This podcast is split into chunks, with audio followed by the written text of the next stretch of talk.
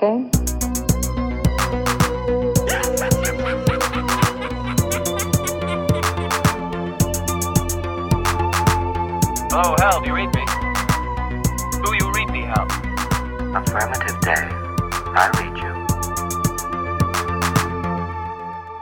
Vorige aflevering was 109, dus dan is het logica zelf dat het eh, deze keer aflevering 110 is van Gremlins Strike Back, de filmpodcast van Vlaanderen. Oei, dat mocht ik misschien niet gezegd hebben. Dat is een beetje boosten dat je doet, hè. Maar, eh, sorry. Uh, Wat is, wat is er anders? Wat is er anders, hè? Zeg het een keer.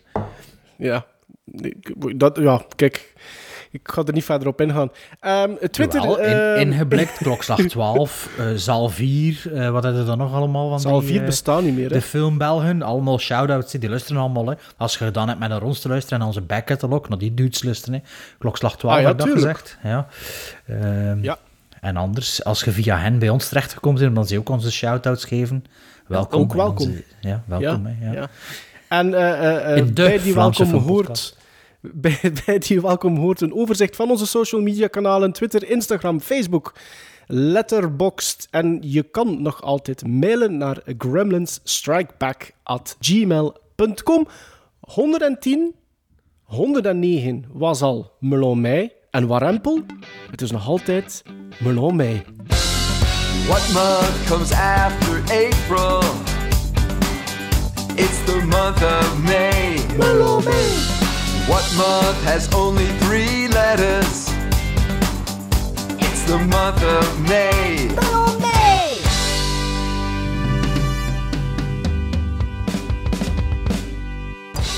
Yay! En je nu een jingle of niet?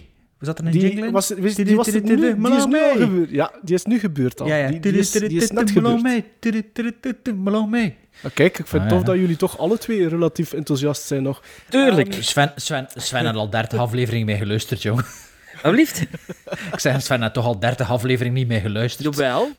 Wat is de laatste aflevering dat je gehoord hebt? God, Ik, ik heb al meer dan 60 dagen ik heb geen auto niet meer gereden, dus ik heb eigenlijk 60 dagen al geen podcast meer geluisterd. Ja, het Pas is op, dat lastig, is, ik moet eerlijk zeggen, ik doe dat ook het is liefst waar. als ik in de auto zit. Ja, ik ook. Ja. Of, of als ik aan het sporten zijn, maar ik ben al twee weken last, met, met last van mijn rug, dus ik heb al die twee weken niks gedaan van sport.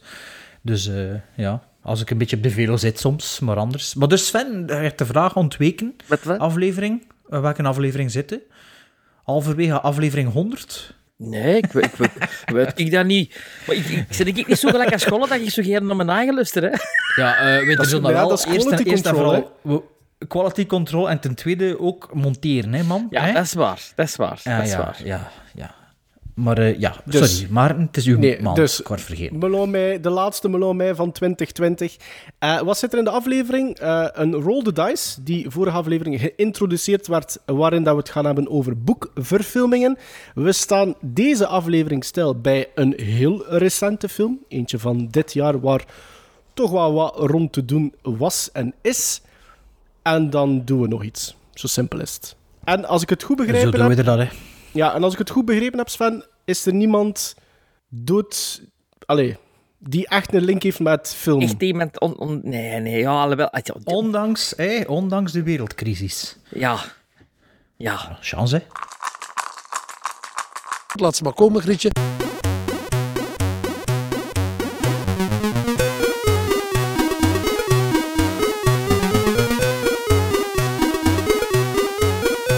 Dice.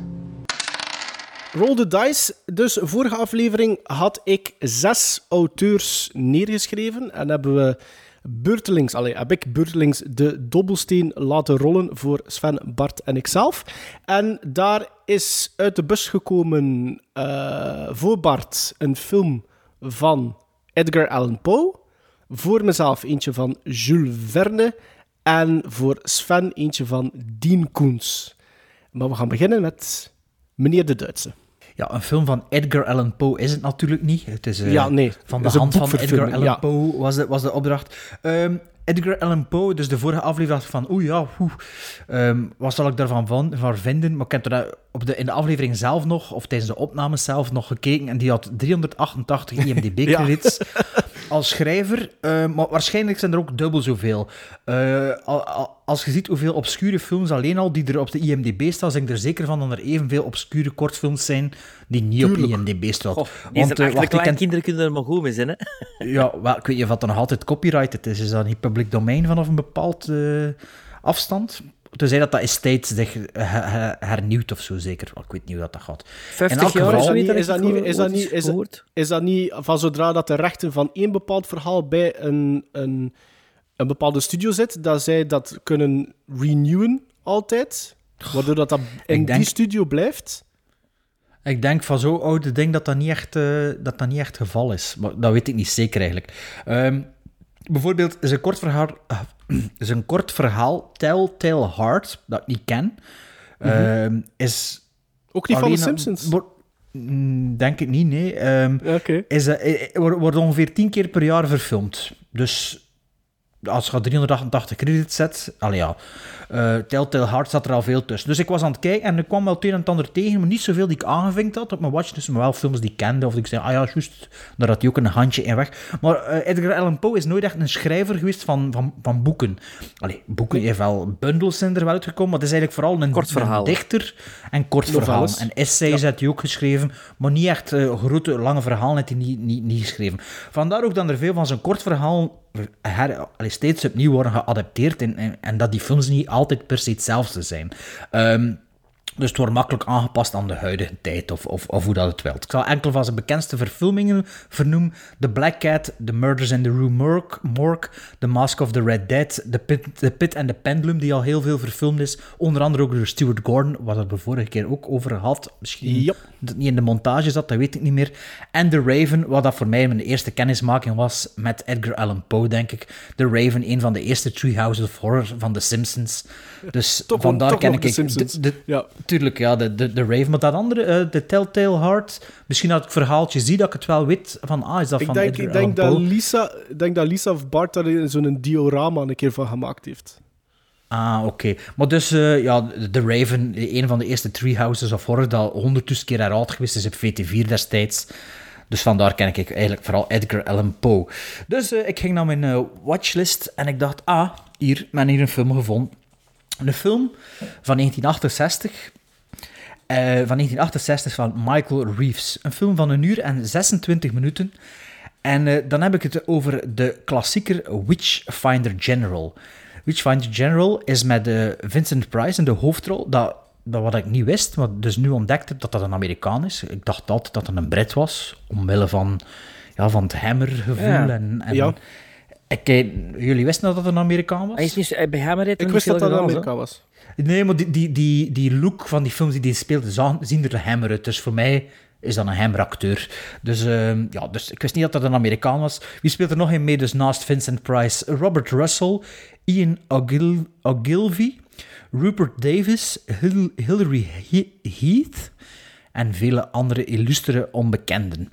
Waarover gaat Witchfinder General nu? Ik zal het een keer voorlezen. Matthew Hopkins, gespeeld door Vincent Price, en zijn handlanger John Stern terroriseren stad en land met hun inquis- inquisitie en heksenjacht. Het duo vermaakt zich met het beschuldigen en, de executie van, van het beschuldigingen. Hm, Dat is een raar woord, hè? Dat is Moviemeter. raar, eh, dat klopt Ja, niet. eh, het duo vermaakt zich met beschuldigen en de executies van onwetenden door angst en religie- religieuze hysterie. Wanneer de jonge Sarah wordt verkracht, neemt haar vriend het zwaard op om haar te wreken. Die film stond dus op mijn watchlist. Deel van de Unholy Trinity. De Unholy Trinity waarschijnlijk voor Maarten redelijk bekend. Voor Sven niet. Klopt. Nooit van gehoord.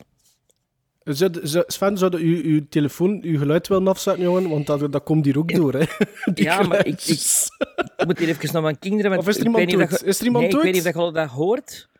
Maar het is, het is, hier eh, echt u zijn ontroepen en ont... Oh, en ik ben er aan betaald van. Ah, dus eigenlijk heb je nu gewoon ingegrepen, telefonisch. Maar je knipt het ervan tussen. Nee, ik was toch aan het babbelen. Hè. We, we laten, we laten Ja, dat ja, zijn, we het- laten dat zijn, gelijk dat is. Maar het is... Maar het is... Maar laat mij. Voilà. Verdomme. Nee, ik heb er nog nooit van gehoord, van, van, van die dingen. Unholy Trinity, Ik- maar wel natuurlijk. Of ook niet Ja. echt. Ja, toch. Jawel, Oké. maar ik heb Witchfinder General nog nooit niet gezien. Oké, maar dus Unholy Trinity, dat is dus samen... Dus dat, dat is een trilogie, alleen een trinity. Sven, dat wordt een beetje de folk, folklore horror genoemd. De folklore horror trilogie, de ultieme folklore horror trilogie, die de laatste jaren een beetje een comeback gekregen heeft met A Field in England. Allee, het zal ook al tien jaar oud zijn. En eh, vorig jaar nog Midsommar, hè, dat hoort er een beetje in, de, in die sfeer. Maar dus de Unholy Trinity is dus enerzijds Witchfinder General, de andere hoek van de driehoek is The Wicker Man, en de derde is een film die ik nog altijd niet gezien heb, is The Blood, The Blood on Satan's Claw. Ik weet niet of jij dat gezien hebt, Maarten? Nee. Nee, ah, wel, dus dat is, dat is dus een van die drie Holy Trinity films. Witchfinder General was ik ooit al beginnen zien. Dus als je het op mijn letterbox ziet, had je zien dat het een rewatch was. Maar dat is zo'n film dat ik nooit uitgekeken heb. Dus had die beginnen zien en ik denk, het was redelijk laat. En achter een minuut of vijf of tien dacht ik, oeh, ik weet niet of ik er nog energie voor had. Ik heb hem niet gerevisit. Was voor, we zetten dat eh, aan de kant voor later. Later was dus nu, nu het geval. Edgar Allan Poe. Eh, de film begint en eh, het is precies Monty Python en de Holy Grail. ja, de kostuums en zo, dat ik dacht, ah ja, oké. Ehm, het is een korte film. Het is eh, ja, een legendarische film. Maar er gaat niet veel dreiging uit van de film voor een Edgar Allan Poe verhaal. Het is ook niet echt een horror. Het is ook niet de dreiging die The Wicker Man heeft, zit er totaal niet in. De fantastische elementen, of het, fantas, het fan- fantasme, zit er zo niet echt niet veel in. En er gebeurt niet veel. Maar ik vond het wel niet saai. Ik vond het niet saai, want de eerste keer dat ik gekeken naar de eerste vijf en tien minuten, vond ik het wel een beetje saai. Dus ik dacht, oei, dat gaat een saai filmpje worden. Maar er is gebrek aan mysterie en aan algemene supernaturalisme, om het zo te zeggen. En het einde van de film snapte ik ook niet zo goed. En toen ik begin opzoeken. Ja. En ik weet niet maar naar de tijd zet, maar je mag nu een Bart de Duitse zweetjesmelee jingle maken.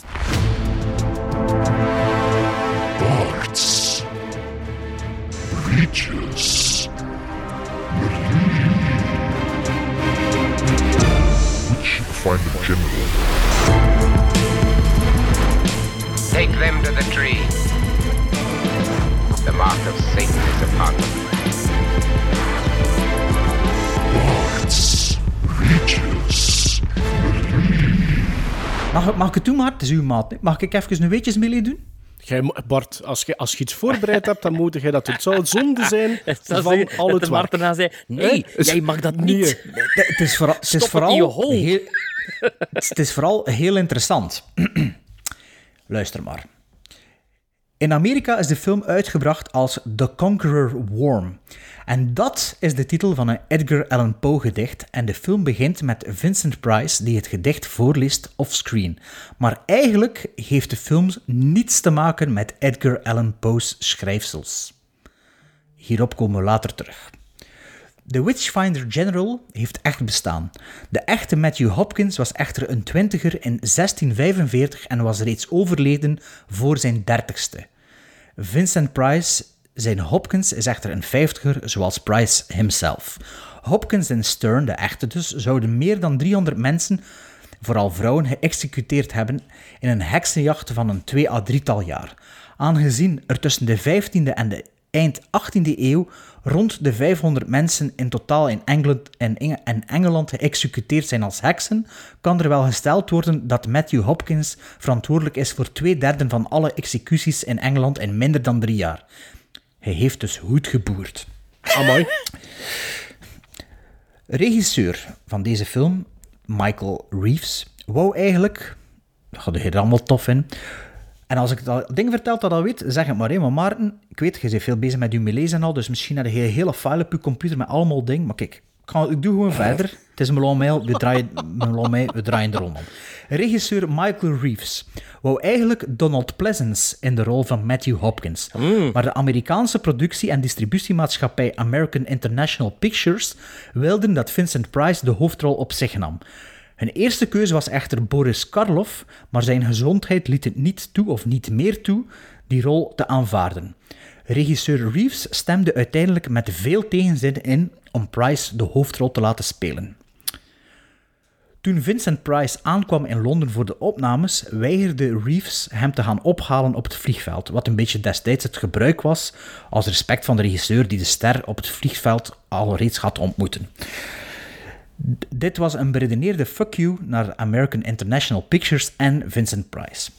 Britse co-producer Philip Wadilove was Price dan maar gaan ophalen op het vliegveld waar Price de woorden sprak Take me to your goddamn young genius. Toen Price op locatie regisseur Matthew Reeves voor het eerst ontmoette, zei deze I didn't want you, I still don't want you, but I'm stuck with you.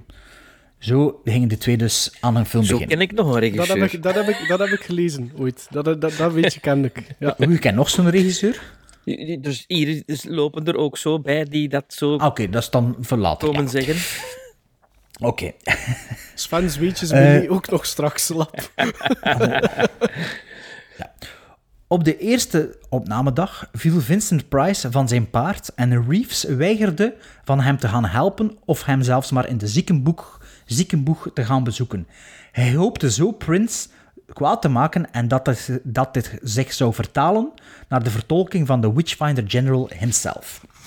Vind je het interessant, mijn weetjes? Ja, ja. Dus fantastisch. Het is tof, hè? Het is tof, hè? Het is tof, hè?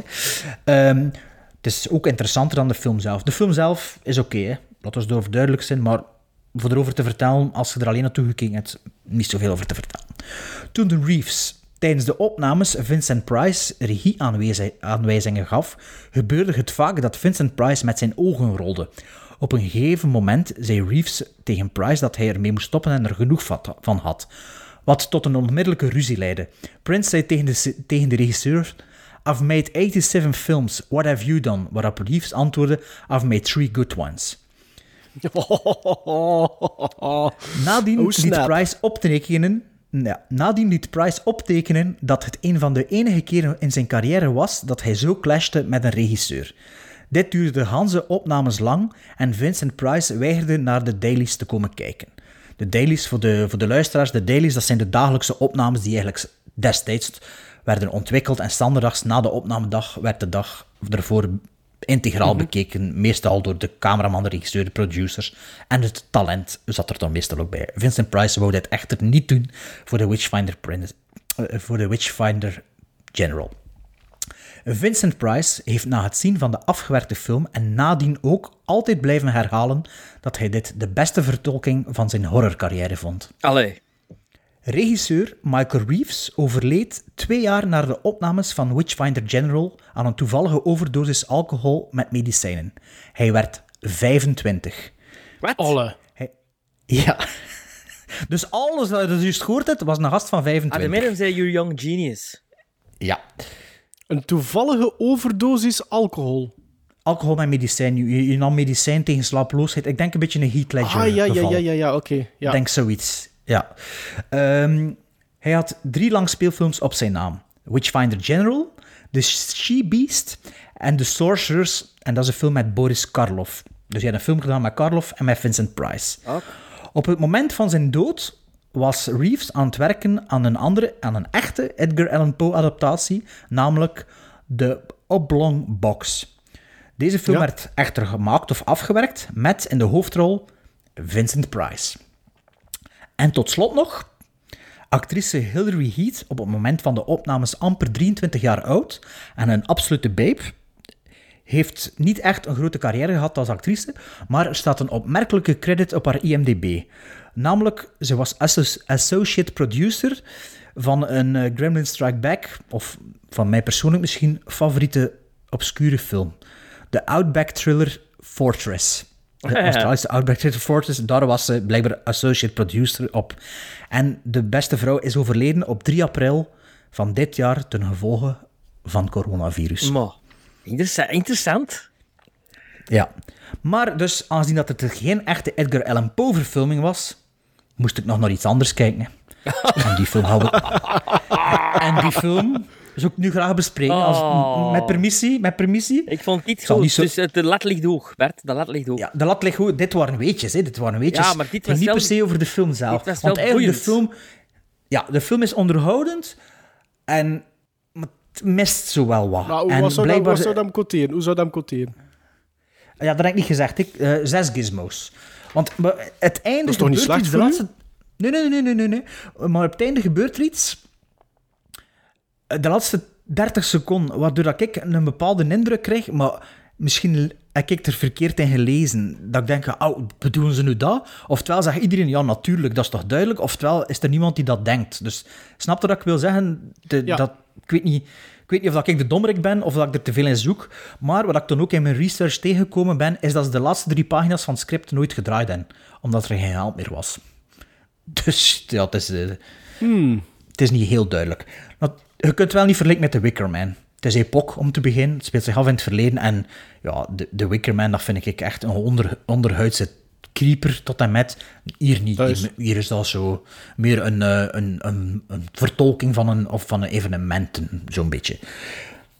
Ik heb wel een andere film gekeken, waar dat er wel een credit, ook een credit van Edgar Allan Poe aan hangt. En het is een echte credit van. Het is een film van 1964 van de regisseur, de, wat ik er niet zoveel van op mijn watchlist staan heb, toch niet als regisseur. Het is een film van 89 minuten, dus die kon er nog rap bij. En het is een film van Roger Corman. The Mask of ja. the Red Death. Met Vincent Price in de hoofdrol als Prince Prospero, Hazel Court, Jan Asher, of Jan Asher, David of David Weston, Nigel Green en nog meer mensen op IMDb. Waarover had de Mask of the Red Death nu? Prospero, een middeleeuwse Italiaanse prins die toegewijd is aan het bedrijven van het kwaad en het vereren van Satan, geniet van het luxe leventje op zijn spookachtig kasteel, als op het platteland rondom hem de rode pest uitbreekt onder de boerenbevolking.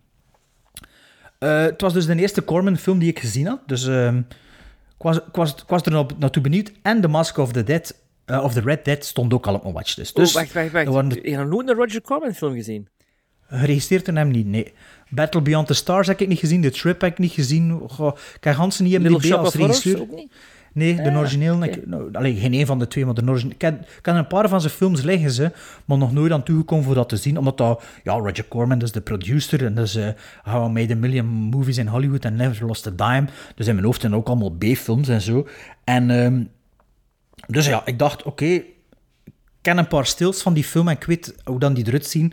Dus die film sprak me ook wel aan. Eh, ik ga wel al zeggen, toen ik mijn voorbereiding aan toe was van dit, de Witchfinder General en de Mask of the Red Dead zijn al een beetje in elkaar aan het overlopen in mijn hoofd. Van, ja, was dan nu in die film of in een andere film? Want in de Witchfinder General had het ook over een, een, een, een gast en een meisje en Vincent Price als de slechterik. Hier is dat ook een beetje zo. Dus sommige dingen weet ik ook al niet meer juist, was dat nu in die film of die film, omdat ik ze ook vlak na elkaar gezien heb. Ja. De begingeneriek begint en ja, dat ziet er fantastisch uit. Dat, dat zou zo een, een, iets kunnen zijn dat Quentin Tarantino afgeript heeft, ook al is hij niet de man die je zo per se Roger Corman mee dweept. Dat ze allemaal gezien hebben, maar dat voelde heel als zo, ja, modern niet, maar zo modern pastiche-achtig aan. Dus dat was al... Dat viel me al direct op. Direct op. Mask in de titel had dus, is, is dus ook Mask niet zoals Jim Carrey Mask, maar Mask met een Q. QUE, en dat is, een- dat is een ding, ze noemt dat een carnavalsbal. Allee, een gemaskerd bal.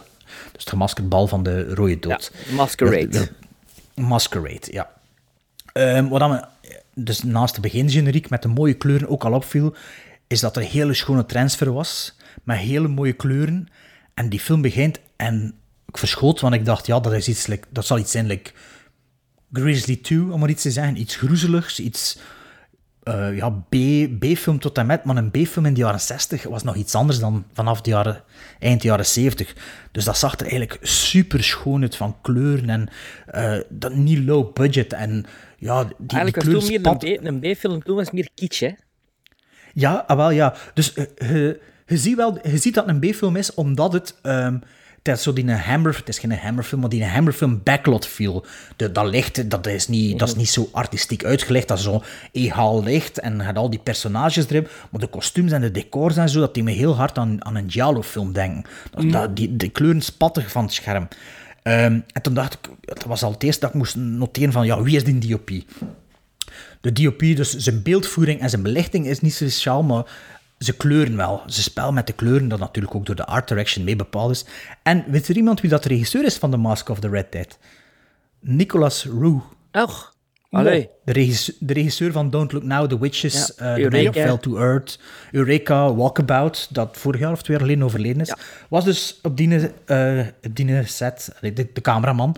Eh, ik dacht ook van, ah, zou dat een, een Barry Levinston, nee, wie was het weer, onlangs? Sonnenveld. Barry Sonnenveld geval, geval zijn, maar dat was niet. Keek, keek in zijn cinematografie en het viel, het viel niet echt veel bekende namen. Je hebt wel een paar films van zijn eigen ook zelf gedraaid. En Hans de film lang ziet er super te technicolor uit. En dat, dat, was, dat, dat bleven we scène na scène en set na set verrassen hoe... Ja, dat, ziet er, dat zag er bijna Powell en Pressburger uit. Zo, de, de Red Shoes en eh, wat had hij nog had. die had Zo Black Narcissus en zo.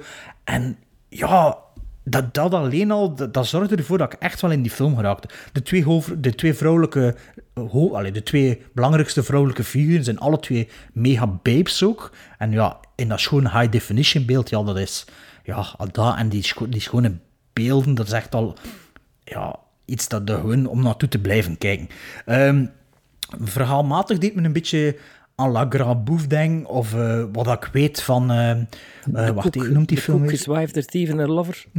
Ah, misschien zelfs ook een beetje, daar had ik nu niet aan gedacht. En ook Le, Le Charme Discret de Bourgeoisie van eh Buñuel is dat, denk ik. Ik heb er alleen nog maar stukken van gezien. Maar zo'n beetje dat, dat, dat luxueuze leven, dat groteske, dat, dat exuberante zo ervan, dat, dat herkende ik ook in deze film. En ook een beetje modder, waar Maarten een grote fan van is. Yep. Herkende ik daar eigenlijk ook wel op een manier in. Het is allemaal niet zo eh, experimenteel en zo, maar ik herkende dat er allemaal wel in.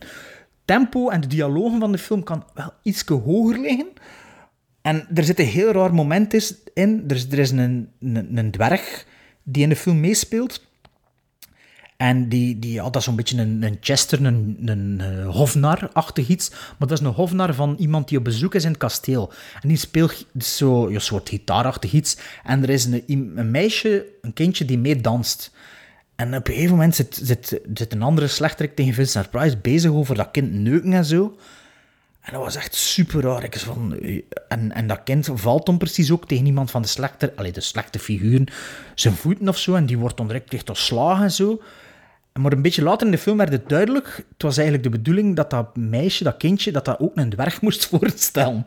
Dus dat was zo... Achter 40 minuten is dat zo... Ah, want, die werd, die, want in die dansscène hoorde of zie je dat niet, maar later is er een klein stukje met dialoog en hoorde dat dat een vrouwenstem is. En toen wordt er zo meer duidelijk dat dat eigenlijk een dwerg moest zijn. Ja. Dus dat is zo super weird, omdat door eerst zo... Je zit naar die film te zien en plots is dat bezig over een kind neuken dat ook ondertussen een close-up krijgt en zo. Dan ben je zo van, ja... eh, ik weet niet of dat, dat eh, in modder in 2018 zou nog gemogen. En het scheelt niet veel wat er gebeurt, maar toch...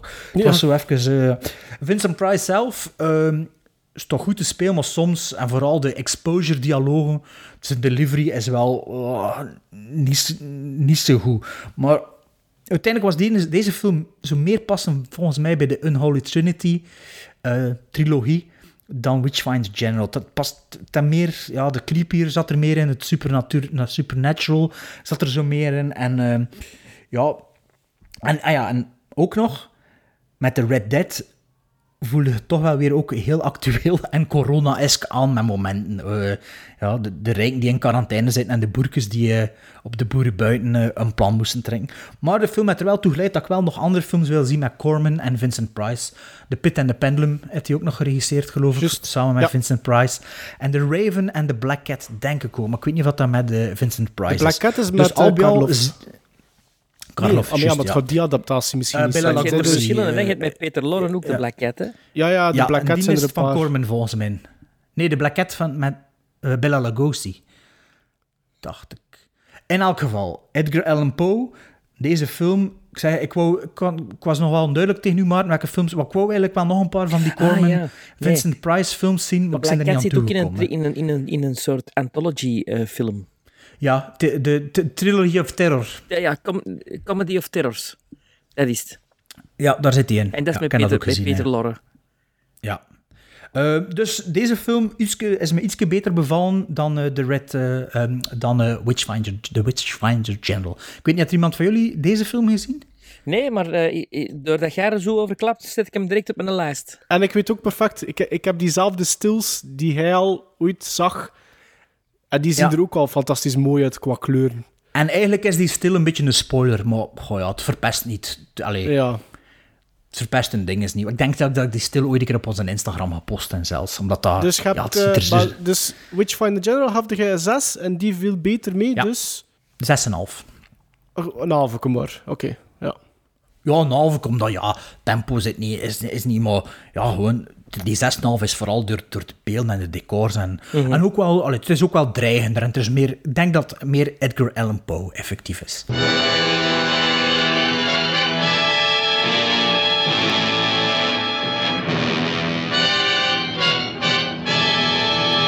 Mask of the Red Death. Personalized by the motion picture screen's Prince of Horror, Vincent Price. Corrupt them. No, I beg of you! Mercy, mercy! With the devil's own darling, Hazel Court. Lord Satan, send me a demon so I may know I'm to be your wife. And a lost, virginal angel of innocence, Jane Asher. I want to help save your soul so you can join me in the glories of hell. No, never! She's a woman cursed by Satan's seneschal, whose very existence turns the white rose blood red. Each man creates his own heaven, his own hell. Let me see your face.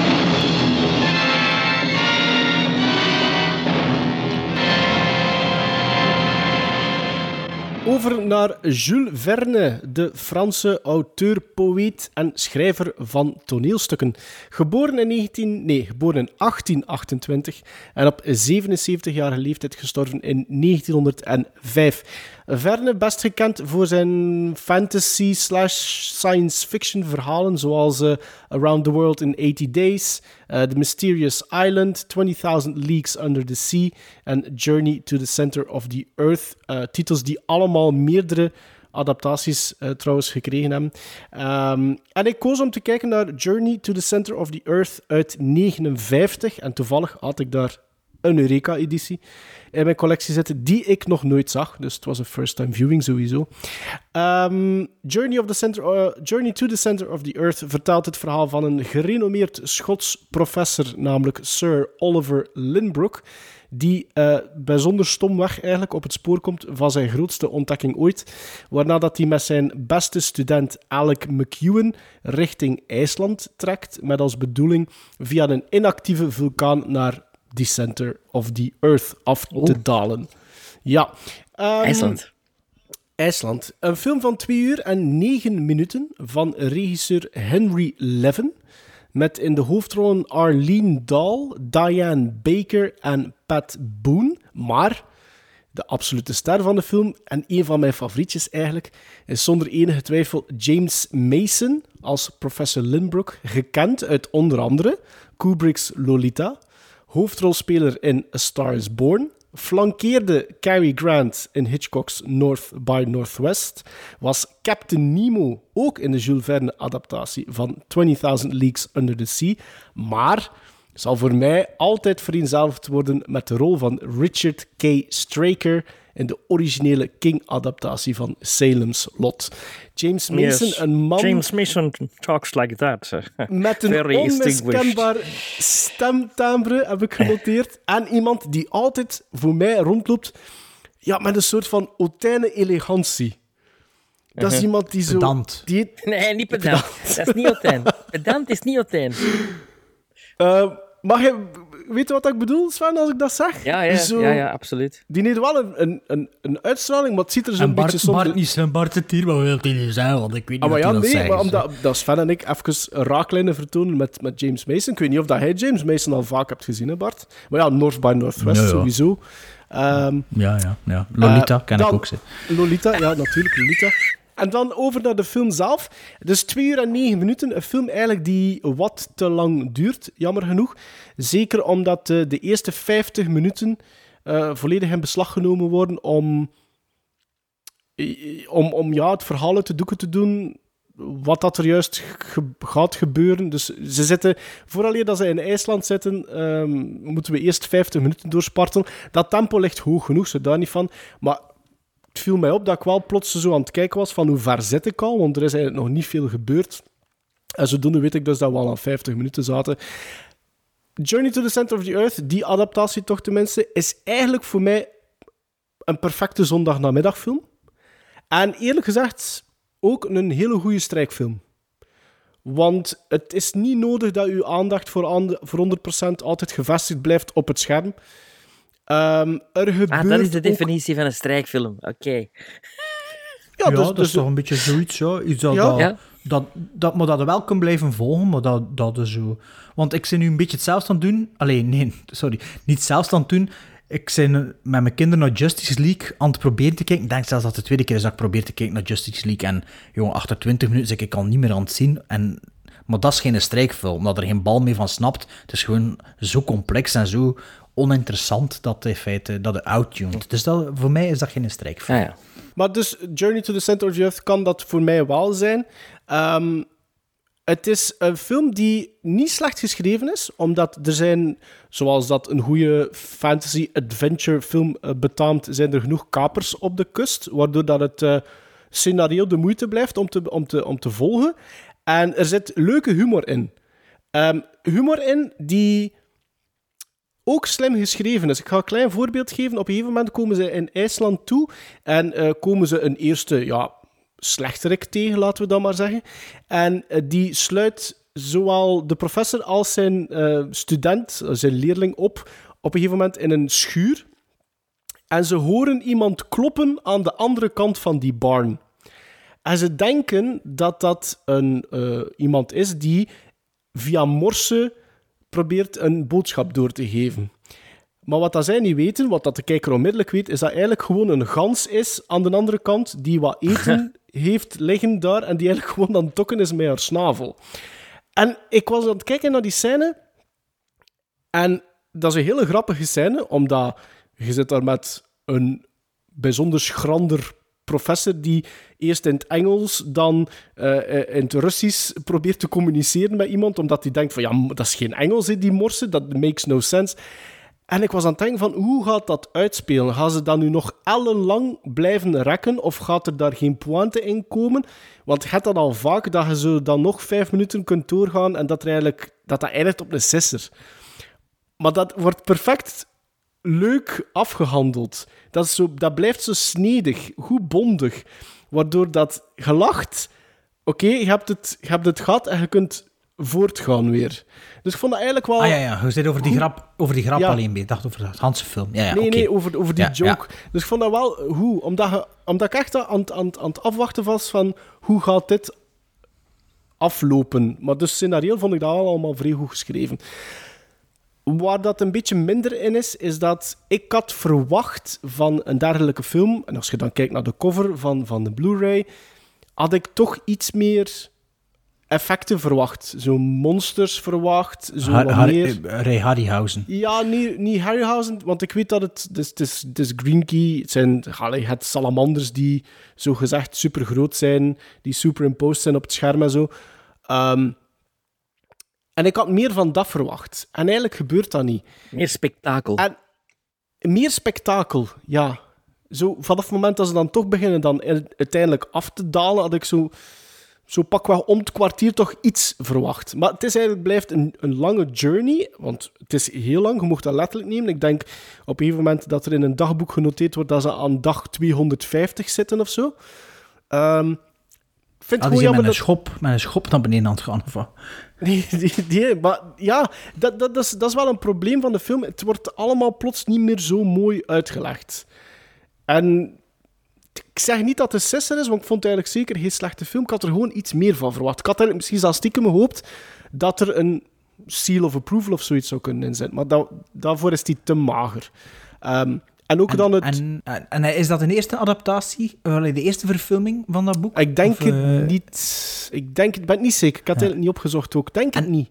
Is dat hetzelfde verhaal als die film met de, met The Rock? Sven, dat Volgens misschien? mij wel, hè. Is dat niet met Michael Caine ook? En...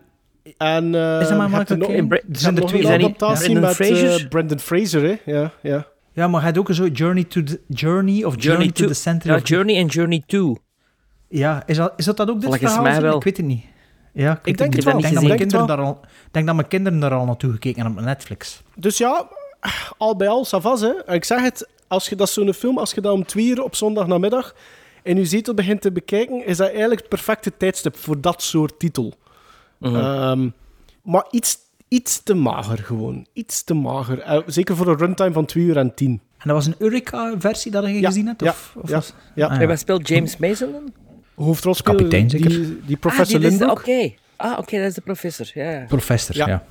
Ja, ja maar, hij- maar hij is wel ook hij is wel goed. Hij is echt wel, hij is echt wel goed in die film. Maar dus Jules Verne, dat is dus eh, ja, Journey to the Center of the Earth is van hem. En toen had je Around the World in 80 Days. En wat Ja. had er nog? 20.000 Leagues Under the Sea. Leagues Under the Sea. Under the Sea. En, Ja. en toen de Time Machine, niet, dat is H.G. Wells. En wat, Dat is H.G. Wells. die- H.G. Wells en... en ehm, eh, allee, Jules Verne. Jules Verne, dat gaat een beetje bij mij... Ik, ik kan dat niet zo heel goed uit elkaar houden. Zijn, allee, Moby Dick is, is niet van hem, sowieso niet. Dat is van Melville. Maar eh, zijn er dan nog Jules Verne verhalen die bekend zijn? Of die zo... Je hebt, eh, wat had ik in mijn dingen geschreven? eh The Mysterious Island. Daar zijn er ook wel een stuk of zes, zeven Ah, adaptaties ja. van. Ja, ja, ja. Mm, Zeg maar ook iets. Dus dat zijn de bekendste wel. Hè. Around the World in Ja. 80 Days, eh, Mysterious Island, 20.000 Leagues Under the Sea en Journey to the Center of the Earth. Want het is pas nu pas dat mijn Frank valt. Ah nee, ja, de time, eh, time Machine is H.G. Wells. Mhm. Allee, want tot twee minuten geleden dacht ik ook dat is Jules Verne, maar nee, dat is H.G. Wells. Is ermee Mhm. dat ik die vraag stel. Maar ik denk dat die wel van dezelfde periode zijn, zo eh, rond, Ja, rond de een beetje- eeuwwisseling. eh, 1900. Ja, een beetje, dat is, dat is steampunk. Alleen niet steampunk, dat, gewoon steam eigenlijk. Hè. De stoommachines die, die, Mhm. die doorbreken Ja. en, en die technologie en zo. En dan Georges Ja, Georges dus- Méliès, die dat, die, die verhalen verfilmde. Hè. Eh, deed hij dat? Die was toch Is goed? hij daarmee Jules begonnen met Verne- Verne? Jules- Ja? Hij was een grote Jules Verne-fan. Ja, dat wel. Voyage à la Lune is inderdaad ook een beetje Jules Verne geïnspireerd en, En zo. en een beetje dingen. eh ja, H.G. Wells ook, hè. Ik bedoel, dat is alle twee zo. hè. Het is allemaal dezelfde periode. Hè. Ja, dat is waar. Dat is waar. En is, ehm, El Gizmo? Ja. Ja, eh, ik, ik klok net, net op een 7 af. Oh, klok tof. net op een 7 af. Ik vind het onderhoudend genoeg daarvoor, ja. Eh, en James Mason is heel goed. En ehm, ik weet nu niet meer juist of dat het... ah, ik denk dat het Arlene Dahl is. Ehm, speelt goed eh, weerwerk. Het is een beetje bij de haren getrokken, haar personage. ehm, ja, er gebeurt iets emotioneels en ze, ze komt daar nogal rap te boven, vind ik eerlijk gezegd. Dus het is een beetje makkelijk geschreven misschien, maar ze biedt goed weerwerk aan het personage, personage van James Mason. En dat is eigenlijk exact wat hij op dat moment nodig had in die film. Dus het was goed dat zij dan nog gans de, de journey eh, meemaakt. Maar speelt heel goed en ik zou eigenlijk een keer moeten kijken wat dat hij nog gedaan heeft, want ik zou wel meer willen zien eh, films met, En- eh, met haar. En werd de film toen naar een, naar een, naar een catharsis, naar een, hoogtepunt? Is er, is er, Ah, wel, dat is... of, dat of, is of, of, of kabbelt het zo al leeg? Zo Maar het het, het, het, hem op, het hem wel op naar een, een catharsis, maar niet eentje waar dat ik precies in mijn gedachten had zitten. Het was een ander soort. En uiteindelijk, eh, er gebeurt wel iets, maar het is precies een kleine sisser een beetje. Ehm, het is moeilijk uit te Is, is leggen. het een, had een beetje het gevoel, denkt dat ik dat ik had met The Incredible Shrinking Man? Ehm, Dat je het al weet, het verhaal, of? Ja, er zoiets van, ja, het- ja, dat, ja dat, is nu, dat is wat het is en dat verbaast me nu niet. Allee, ik, had, zo. ik had gewoon gehoopt op iets meer. Vooral. Mhm. Dat is, dat is, mijn, dat is Ja. mijn grootste pet peeve. Ik had, verwacht op, ik had meer avontuur verwacht. Avontuur... er- Ah ja. het is avontuur, hè, begrijp mij niet verkeerd. Maar ik, ik had gehoopt Maar dat het er is meer geen zou Indiana gebeuren. Jones, ja. Ja, ja, Bart. Is de kleurenfilm, is de kleurenfilm trouwens? Ja, ja, ja het, is, het, is, eh, het is kleur. Ja. En mooi. En er zitten een paar hele mooie sets in. Ehm, op een gegeven moment zitten ze daar heel diep en, en, en worden ze, zijn ze surrounded door grote paddenstoelen. Maar set design op dat, op dat, op dat moment is echt heel mooi. Dus er zitten goede details in. Ook de, de manier waarop dat omgaat met de wardrobe. En naarmate dat ze verder gaan, dat die kleuren effectief gescheurd geraken. En dus het- is, is, het is goed, maar het is net niet goed genoeg voor mij. Voor dan bijvoorbeeld aan een seal of approval te geven. Daarvoor is het met momenten iets te mager. Dus daarom klok ik af op, op een 7. Maar ik zeg Oh, het, zeven. zondagnamiddag om twee uur, of als je aan het strijken bent en je bent aan het sappen en Journey to the Center of the Earth, dan kun je perfect blijven haken. Ladies and gentlemen, this is James Mason. Come along with Pat Boone and me, Arlene Dole, Diane Baker, and Gertrude the Duck, and discover sights and sounds and wonders no living man has ever witnessed before, filmed in the incomparable magic of CinemaScope. We'll take our leave of civilization on the bleak, barren wastes of Iceland, peer in awe at the bottomless crater of an uncharted volcano, make the perilous descent into the unknown. You'll encounter breathtaking dangers beyond belief here at the center of the earth.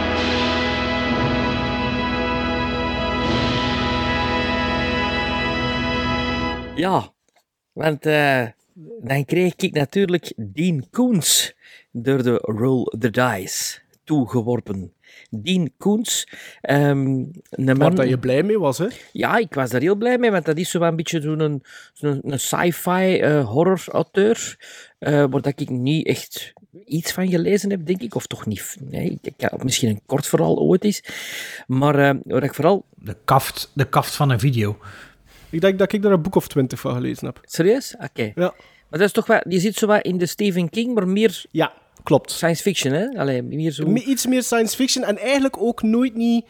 Het is altijd zo, een, een machts, de, de machtsverhouding is altijd heel duidelijk geweest tussen die twee. Hij is een beetje altijd. Salieri geweest en Stephen King is Mozart, hè? Ja, ja. Ja. Maar niet tegenstaande heeft hem 105 romans gepubliceerd, enkele novelles Ja, ja. en een collectie van korte verhalen. En hij verkocht meer dan 500 miljoen exemplaren van zijn werk. De man heeft goed d- er zitten echt, er zitten echt sterke... Ik vind, vind persoonlijk echt wel dat er sterke verhalen tussen zitten eh, in zijn boek. Maar je is niet veel verfilmd, hè? Hij is niet veel verfilmd, nee. En het, het, eh, het eh, leuke is wel dat hem dit jaar, in 2020, eh, terug in de aandacht is gekomen. Eh, want enkele maanden na de uitbraak van het. Wuhan-virus, hè, het Wuhan-virus, gingen passages uit zijn boek The Eyes of Darkness viraal op social media, waarin rond 2020 de komst van een Chinees biologisch wapen wordt voorspeld met de naam Wuhan 400. Kijk. Boem erop. Boem erop. Ja, is hij een visionair? Weet hij meer? We zullen het misschien Weet ooit te weten komen. Weet hij meer? Dean Ray Koons, geboren in Pennsylvania op 9 juli 1945. Een Amerikaanse fictieschrijver en vooral bekend door de populaire thrillers. Eh, enkele van zijn eh, eh, pseudoniemen, waaronder hij ook schreef, zijn David Axton, Diana Dwyer, K.R. Dwyer, Lee Nichols en Brian Coffey. Wisten jullie dat? Ja. Tuurlijk, iedereen weet dat toch? En een van zijn eh, boeken die verfilmd zijn was Watchers uit 1988. Ik wist direct welke film ik wou zien, omdat Watchers zo'n film is die in de jaren 80 in de videotheek stond en die ik eigenlijk altijd gerateerd heb op een of andere manier. Ehm, dus ik was zeer blij met die keuze. Watchers is een film van zeker een John Hess. John Hess heeft niet veel noemenswaardig niet meer gedaan daarna. Ehm, maar de hoofdrol in Watchers is voor Corey Haim. En Corey Haim is een van de twee Corys. Je hebt Corey, Rip. Corey Ah, ja, Feldman ja, ja, en Corey. Haim. Corey Haim. Corey Haim zou een vermeend slachtoffer geweest zijn van Michael Jackson, volgens Corey Feldman. Allee, of of niet, niet, misschien niet van Michael Jackson, maar van de... de, de Nee, ik denk John niet Jeffrey van- Epstein. nee, nee, van, de- van, de, van Nee. de, de, de jaren Een 80. producer, hè? De producers, pe- pedoseksuelen in Hollywood. Ja, ja, ja. Want, Eh, want zijn Ja, ja, documentaire is ja, nog maar ja. juist uitgekomen hè, van, van Corey Feldman. eh, Ja. waarin Ja, dat hij de ja, namen zegt. ja. Hè. Eh, Maar ja, Corey maar Haim is wel een acteur die we allemaal, allee, die we als, als, als, zeker dat je jaren 80 films, dat je de mensen opgegroeid, eh, dat was een household name. Hè. Eh, Ik ben meer opgegroeid met Corey Feldman. is Ik. het echt? Ja. Ja? Ik ben opgegroeid bij hen alle twee, want die hebben dan nog in de het late 80s, begin 90s ook nog een paar films na, na elkaar gedraaid Ja, samen. Hè? License to License Drive, to was Drive, al twee? ja. Ja. Ja. En ehm ehm eh, ja, nog één. maar ja, bon, The Lost Boys. Hè, The Lost Boys, ja, voilà. uiteindelijk. Ja, wel, eh, hier is hij wel wat ouder, eh, on- onze Corey Haim. Ehm, eh, ik weet niet juist hoe oud hij is, maar je ziet een duidelijk verschil met de films waar ik hem eh, eh, mij altijd mee voorstel. Ehm, en het speelt zich af in een slaperig dorpje in de United States of America. Een explosie in een fabriek vindt plaats. Dat zijn de openingsbeelden. Knappe explosie. Echt, maar ik dacht van wow, goed, van verschillende camerastandpunten. En een gemuteerd monster onder de naam Oxcom ontsnapt. En Oxcom staat Extra. voor Outside Experimental Combat Mammal. Hij ontsnapt en gaat achter een golden retriever aan die uit dezelfde fabriek ontsnapt. De achtervolging op de hond is ingezet. De hond weet... En duurt 30 minuten. Nee. Nee, nee. De hond weet te ontsnappen en zoekt schutting in een schuur waar Travis en Tracy, een jong koppeltje, liggen te flikvlooien. Travis is Corey Haim. Omdat ze denken dat haar vader op komst is, gaat Travis er vandoor. De hond springt op de pick-up truck van Travis. Travis heeft er ineens een nieuwe vriend bij. Een hond. Hoe lief, hoe cute. En tot dan denk je van, ja, oké, het is dat soort Met die film. dramatische pauzes, die dramatische pauzes tussen uw, eh, uw zinnen zijn, Ja, maar- eh, zijn vrij eh, Ik weet het, maar het is zo... enticing. Ja, ik weet het, het, is op, die, op dat moment ook zo'n echte 80s kiddie movie. Je denkt, oké, dat soort film gaat het dus worden. Ik, Want, ik zal direct zeggen, Sven, ik heb hem ook bekeken. ah, Dus oké, ik, ja, dus ik, ik, ik treed u bij op dit moment, ja. oké. De hond is speciaal, de hond heeft gaves. De, als je tegen de hond zegt, ga wisjes halen uit de ijskast, dan doet hij dat. Dus, he's special, mom. Can I keep him? De moeder vindt dat natuurlijk niet, niet goed, dat, er- dat een hond uit, maar bon, zwart. Maar hij vindt toch wel een tattoo zeker op die hond, terwijl het hem al ontwassen is. En die tattoo, dat wil iets zeggen. Hè. Eh, Direct zei hij van, ja, dat is het. Want toen werden de honden nog niet getatoeëerd, gelijk als nu, of een chip. Of, hè. Dus die tattoo, dat moet iets zijn. Ondertussen gebeuren er vreemde moorden in het slaperige dorpje. De Oxcom laat een spoor van vernieling na. Twee inspecteurs van de fabriek, enfin, tussen aanhalingstekens, inspecteurs van de fabriek, maken een klopjacht op de Oxcom. Terwijl de lokale sheriff en zijn partners er meer en meer van overtuigd geraken dat er geen seriemoordenaar aan het werk is, maar een Sasquatch. En wat is een Sasquatch, voor de mensen die dat niet weten? Bigfoot, hè? Bigfoot. Bigfoot. Bigfoot, ja. Tot dan heb je ook alleen maar kleine beeldjes gezien eh, eh, van eh, die een Oxcom. Je ziet vooral subjectieve camera, waar dat perfect werkt, vind ik. Ik vind dat Beetje zoals een Grizzly 2. Ja, maar beter. Maar beter gedaan. Beter gedaan. Ik hou van subjectieve camera. Subjectieve camera doet mij ook altijd denken aan, aan Amicus. Aan de Jangles. Aan Amicus en aan Hammer, omdat hij dat ook dikwijls gebruikte, door het low budget gegeven, hè, dat je dikwijls, dat, dat het monster niet zichtbaar is en dat je je fantasie moet laten werken. En dat vind ik wel leuk. Maar ja, voor de reveal uit te staan en tot act 3 natuurlijk. Hè. Gewoon dat je Voilà, blijft en je hebt hand. hè. Ja. En je hebt een hand die je soms ziet, je zijn oog, je zo het geluid dat de oxcom maakt. Is een combinatie tussen een gorilla en een, een bigfoot en een, en een krijsend varken. Is pretty scary, vind ik. Maar dan, op een gegeven moment, begint de film zo halverwege om te slagen van een kiddie-film, maar toch wel gruesome. Je ziet hoe het echt een, een kill.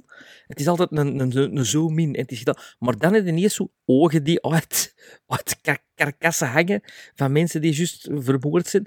Het, het wordt, gaandeweg in de film, wordt het altijd maar donkerder en gruesomer. Niet zoals de film start. En, en, en daarom denk ik ook dat op de kaft van de film staat 18.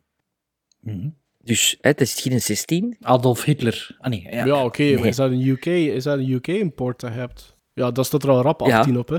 Ja, Allee, ja. ja, ja, ja. Allee, sorry, hè. Enfin, nee, nee, nee. Didn't mean to burst your bubble, is van. No, no, no, d- d- don't burst my bubble. Nee, het is een... ehm, het- zijn uiteindelijk, als de revealer dan is van de, van de Sasquatch, van, de, van een Oxcom, hè, maar ik vind dat hem heel hard trekt op eh de Bigfoot, heel hard zelfs. Ja, dat is wel... Ik, ik vind dat wel oké gedaan. Ik vind dat niet, niet verbluffend gedaan. Het is geen Rick Baker, maar het is oké. Het, is, het, is, het is goed. En het krijgt zelfs... Nee, nee niet, niet zoveel slime als extra. Niet zoveel slime. Ah ja. Nee, nee, het is echt een man in een suit. Maar Het is een beetje eh, Rawhead Rex meets Bigfoot.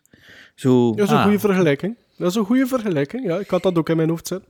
Maar je krijgt op een gegeven moment een twist op het einde dat ik toch niet had zien aankomen. Dat je een soort van... ehm, eh, een King Kong eh, effect krijgt op het einde. Zo van, de, de, de, de monster turns lovable. the- we, we are the monsters. hè? Ja, ja. ja, ja. Zoiets, ja. ja. En, en, en in de, de rol van Travis, de rol van Corey Haim, is dan de verpersoonlijking van het publiek. En, en, en ik vind dat op het einde wel, dat marcheert. Dus laten we zeggen, dat is een goede 80s straight-to-DVD film. Een film die, moest ik hem gezien hebben als ik, als ik ehm 12 jaar was, dat ik die eh, ja, fantastisch zou vinden. En dan vind ik dat heel plezant dat ik hem besteld heb en dat ik hem in mijn collectie heb. Eh, wat dat zo een 80s hebben dingetje dat ik nog miste.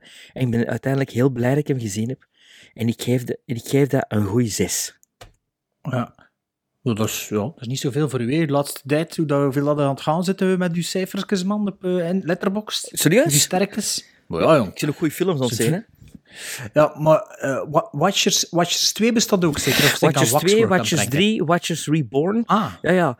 Eh, maar daar wil een Deen Koens allemaal niks meer mee te maken hebben. Voilà, dat ging mijn volgende Nee, vraag nee, zijn. nee, nee, nee. Ik, moet, ik moet zeggen, ik had nog nooit van Watchers gehoord, maar hij wel, hè. Ik wel. Ik had die eigenlijk al redelijk lang in de collectie. Zo'n keer een Amazon bulk buy toen dat ik Amazon nog maar ontdekt had. En zo op zoek was naar... Ah, je had zo van die periodes dat je alleen maar 80s movies probeert dan te bestellen en zo. Allee, ik had dat toch... En daar zat er Hoe eentje... je? eh, Hoe bedoel je? bij. Ja, nee, ja, nee. Ik, ik, heb, ik heb dat effectief... als It's, ik- it's my als ik- life.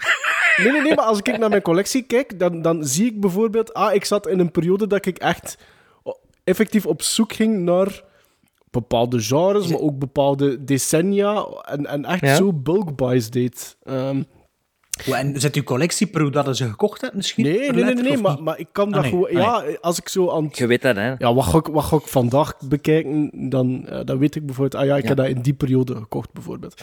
Ehm, Trouwens, Paul Haggis, Paul Haggis, al, allemaal gekend, die heeft dat script geschreven. Crash, ja. Paul Haggis, ex-Scientology ook. Hè. ja, Hij heeft dat script geschreven, maar de staking van de Writers Guild, die toen uitbrak, eh, en eh, heeft Haggis ertoe eh, aangezet om niet meer verder te schrijven aan het script. Dan werd de productie naar een Canadese producer, Damien Lee, doorgeschoven. Die herwerkte het script, dat nog weinig te maken zou hebben met de novel van Dean Koontz. Want het hoofdpersonage in de novel is trouwens veel ouder dan Corey Haim's personage. En Roger Corman produced Watchers. Ja, Corman heeft veel geproduced. hè. Ja, maar de- Ik heb niet gezegd dat ik nog nooit een Roger Corman Nee, maar ik geproduceerde vind het wel had, toevallig, hè. toevallig dat we toch... Hè, Ja, ja, hè, dat- zo. toeval bestaat niet. Dat bestaat niet, dat hè. bestaat niet. En Haggis staat gebeeld als Bill Freed. Ja, Los, de Lost Boys was van 87, hè. En Corey Haim natuurlijk was toen wel big business, hè. Dus Watchers Ja. van Joel 88, hè. Schumacher. Ja. Ja. En Ehm, Joel Schumacher. Ja, kijk wat dat er daarvan gekomen is. En, en die saxofoon, hè. Ehm, Maar Corey Haim Dus- ziet er wel anders uit als in Lost Boys. Hij ziet er toch... Ja, hij ziet er- hij ziet er anders niet de uit. Zomer, ja, nog niet de zomer overgegaan. hè. Hij ziet er Niet de anders zomer, uit, ja. Sven, maar... Goh, na 20 minuten had je toch altijd de neiging van dat je scherm te roepen Corey Haim, doe ik hier uw mond toe, hè, man. Die loopt er ja, ja, altijd ja. met zijn mond open. Continu met zijn Ja, bek niet open. moeilijk, maar hij heeft er allemaal niet ingezet. Scheurmond. Maar dus, Watchers, ik, ik, ik vind ook, de, de, de toon in het begin van de film is anders dan naarmate dat de film verder gaat. Ik vond dat niet slecht. Want voor mij mocht het wel wat grittier, mocht het wel wat donkerder worden. Zeker Mhm. omdat je altijd moet kijken naar Corey, Ha- eh, Corey Haim die met zijn mond open rondloopt. Ehm, je hebt iemand vergeten te vermelden. Michael Ironside. Toch belangrijk acteur. Ah, ja. hè, is een van de Ja. agenten eh, van de Ik zal je NSO. zeggen waarom ik hem vergeten ben te vertellen. Omdat ik... Ik zie altijd Michael Ironside graag spelen en ik vond hem hier niet goed. Maar het is, het Dus is, het is- voor iedereen. Het is, Nee. het is, het is een, een, een typische Michael Ironside zonder franjes, hè? Eigenlijk. Het is Michael Ironside zonder ballen. Ik bedoel, Michael Ironside moet... Waarom dat die zijn sidekick, hè? Pff, die sidekick is, is nog flauwer. Het zijn echt... De twee bad guys zijn echt flauw, hè? Flauwe mannen. Ja, ja dat is waar. Zeg, en is waar. eh, eh, hoe, noem- hoe noemt die acteur weer van, ehm, van Q the Winged Serpent? Dat is niet Michael Ironside, die is een lookalike. Hoe noemt die weer? Michael Moriarty. Ah, Moriarty. Die Ja, ja, trekken ja. niet op je. Ironside trekt Nee? Jack Ah, Nicholson. Door zo'n kletsenkop? Ja. Een beetje like Frazier, hè? Trekt die. Nee, Jack Nicholson eigenlijk. Jack Nicholson van de Aldi. Wat is die van Scanners, hè? Michael Ja, Ironside? ja, ja. Ja. Oké, ja, toen, toen had ik de verkeerde vorm van, eh, van Moriarty dacht dat het er ook zo uitzag. Maar Watchers whatever, is zo'n film. Watchers is zo'n film. Na pakt de eerste 20, 25 minuten. Is dat een film dat je volledig niet meer moet focussen op de dialogen. Nee. Want er wordt niets, maar dan ook niets niet meer van informatie gegeven. Dat is gewoon van, allee, we zijn nu beginnen kijken, ik zal het uithouden tot op het einde, gewoon voor te weten hoe dat afloopt. Ehm, en ik vond het jammer, want als we het dan toch wel enkel hebben over Michael Ironside, zijn personage, is er effectief een twist. eh, plots, met betrekking tot hem. En dan had ik eigenlijk meer gehoopt op een, een, een, een, een, een, een monsterreactie daarop. En eigenlijk gebeurde daar niets mee. En dat vond ik jammer. Dat, vond ik, ik, dat kon zo, die, die laatste 15, 10 minuten nog voor mij een halve gizmo misschien meer gegeven hebben. Of zelfs een volledige gizmo meer gegeven hebben. Als er van uiteindelijk een grotere dreiging dan nog zou uitgegaan zijn van hem. Ehm snap je wat ik bedoel, Sven? Sven? Ja. Ehm, En dat gebeurt niet. En dat vond ik zo wel jammer. En ook het einde met, met, met betrekking tot die ox kwam. pff, ja, ach, ja. Het heeft niet veel om het lijf, hè, uiteindelijk. Ehm, Nee, op het einde is het zo wel Mac en me. ja. Dus, maar ik vond, het wel- ik vond het wel leuk in het begin. Ik vond het wel leuk in het begin eh, Ja. met die non. De sheriff, de sheriff vond ik heel goed spelen trouwens. Eh, Ook een heb ik bekende kop. Duncan Fraser. Eh, en die heeft nogal wat films gemaakt, maar onder andere doet hij ook mee in de laatste The Predator. En Van, van Shane Black. En Shane Black, ja. Dus waarschijnlijk Ja. is die een Duncan Fraser ook zo'n een, een acteur. Ik heb haar aan het opzoeken geweest wat hij allemaal gedaan heeft. Heel veel low-budget horrorfilms. Ehm, Maar, ja, maar dus de- ik, ik, vond, ik, vond, ik vind dat voor mij is dat wel een bekende gast, hè? ja, en ik vond die goed spelen ook. Ik vond die Ja, goed spelen. ja. En, en eh, ja, de Predators. En dan denk je van, ah ja, maar eigenlijk heeft de film ook een klein beetje soms van Predators weg. Eh, zo, ja, eh, meer in het begin. Zo, ja, nee, ja, in het begin, ja, hè. Ja, ja. Ja. Maar voor mij is dat Ja, nog... dat, is dat dat mij net... ver- verteld doet mij een beetje Stranger Things denken, eigenlijk. Met een lab, met een lab en met een... Ja, ja. Stranger... de- Maar ja, Stranger Things is natuurlijk ook een mix Goh, van al die dingen. En er zit dus ook wat iets in, want er zijn drie mannen met, met, met een BMX die achtervolgd worden op een gegeven moment. Dan denk ik ook van, ja, dat is wat it, dat is wat IT. Het is, het is, het is, het een typische 80s. Alle, alle elementen komen erin voor. Ja. De, de trailer zou zijn, in a sleepy town, where nothing ever happens. Suburbia. A voor boy mij is dat nog net, een vijfje. Net een vijfje. Maar- Oké, net voor mij Zo- net, net een zesje. Voilà. Ja. It's known that Vanadine has conducted classified biological research for the National Security Organization. Any reason for our viewers to be concerned? None whatsoever. Although the research animals which were kept here have been destroyed, absolutely no toxic elements have been released into Who escaped? GH3. The dog? And one of the Oxcoms. Are the Oxcom and the dog still telepathically linked? On a biofrequency that only the Oxcom can receive. Travis Cornell made a new friend today. And it may just cost him his life.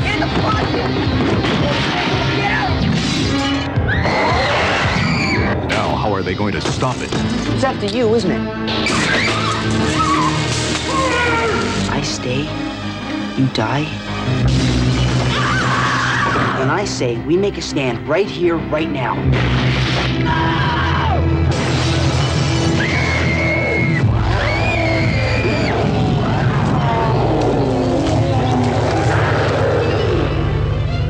Corey Haim stars in Watchers. Melon May wordt dra afgevoerd, waarvoor ik heel blij ben. Ehm, Moralij, zeg, hoe, hoe lelijk. nee, nee, het is niet waar. Maar- Wegsfeer. Het is, wel, nee, nee, nee. Het was heel tof, Maarten. Maar de volgende aflevering moeten we weer on with the show. Gedaan met uw ego-trip. Nu is het terug mijn ego-trip. Godverdomme, hè. Ehm, weer, weer van de Japanse films of zo. Zeg, toch, ik vroeg toch- gisteren aan ons of dat we een Libanese film Hela, gezien hadden. ze. houd u maar vast voor in september. Ja? Een Libanese film. Eh, Kijk zo, eh Sven, wie had er uw telefoon oppakt? Ja, ik kan niet volgen. Nee, ehm, juni komt eraan. En eh, ja, juni is sinds vorig jaar John Juni. We kiezen allemaal elk van ons drie films van dezelfde regisseur. Vorig jaar toevallig John. John June. Doe dit jaar weer, doen we nu weer John June? John June. Of doen we... Heb je er al een John? Of wil je gewoon een andere regisseur dat er drie films van pakt? moet er nu nog niet zeggen, hè, maar al een ik weet al een John, hè, maar misschien dat, dat, dat we nu beslissen van, we doen gewoon zoals dat gepland was, drie regisseurs, eh, elk een regisseur met drie films die we alle drie bekijken. Of Ik- doen we ik- nog een ik- jaartje ik, John Ik heb het June? op, op dit moment, maar dat is door The Return of the Johns, heb ik zo wat opzoekingswerk gedaan. Ik vind het zo wat moeilijk gaat nu. met de Johns. Ja. Wel, we zullen het voor de, voor de formaliteiten John June noemen. Ja. Maar het moet niet per se een John zijn. Oké. Ik, ik, ik, ik denk dat ik een John ga pakken. Allee, ik ken al een John in gedachten sowieso. Maar moest ik dan denken van, goh, misschien toch niet, dan pakken we nog iets anders. Maar, er zijn dus drie weken in June, maar ik wil nog één keer zelf mijn goesting doen. Dus John June gaat door tot de eerste aflevering van juli en tot stoppen we voor de zomer. Dus, wat er had nog niemand de prijs moeten gaan doen. Volgende aflevering doen we iets dat we al drie tof gaan vinden. Ik weet het nu al. Eh een van, een van de. Er zijn er niet veel. Er zijn er niet veel, maar een van de grote voordelen van de COVID-19 en de quarantaine is dat ja, wij zitten allemaal thuis. We moeten ons allemaal alleen op ons eigen bezighouden met ons internet en onze filmcollectie en zo. En met onze micro.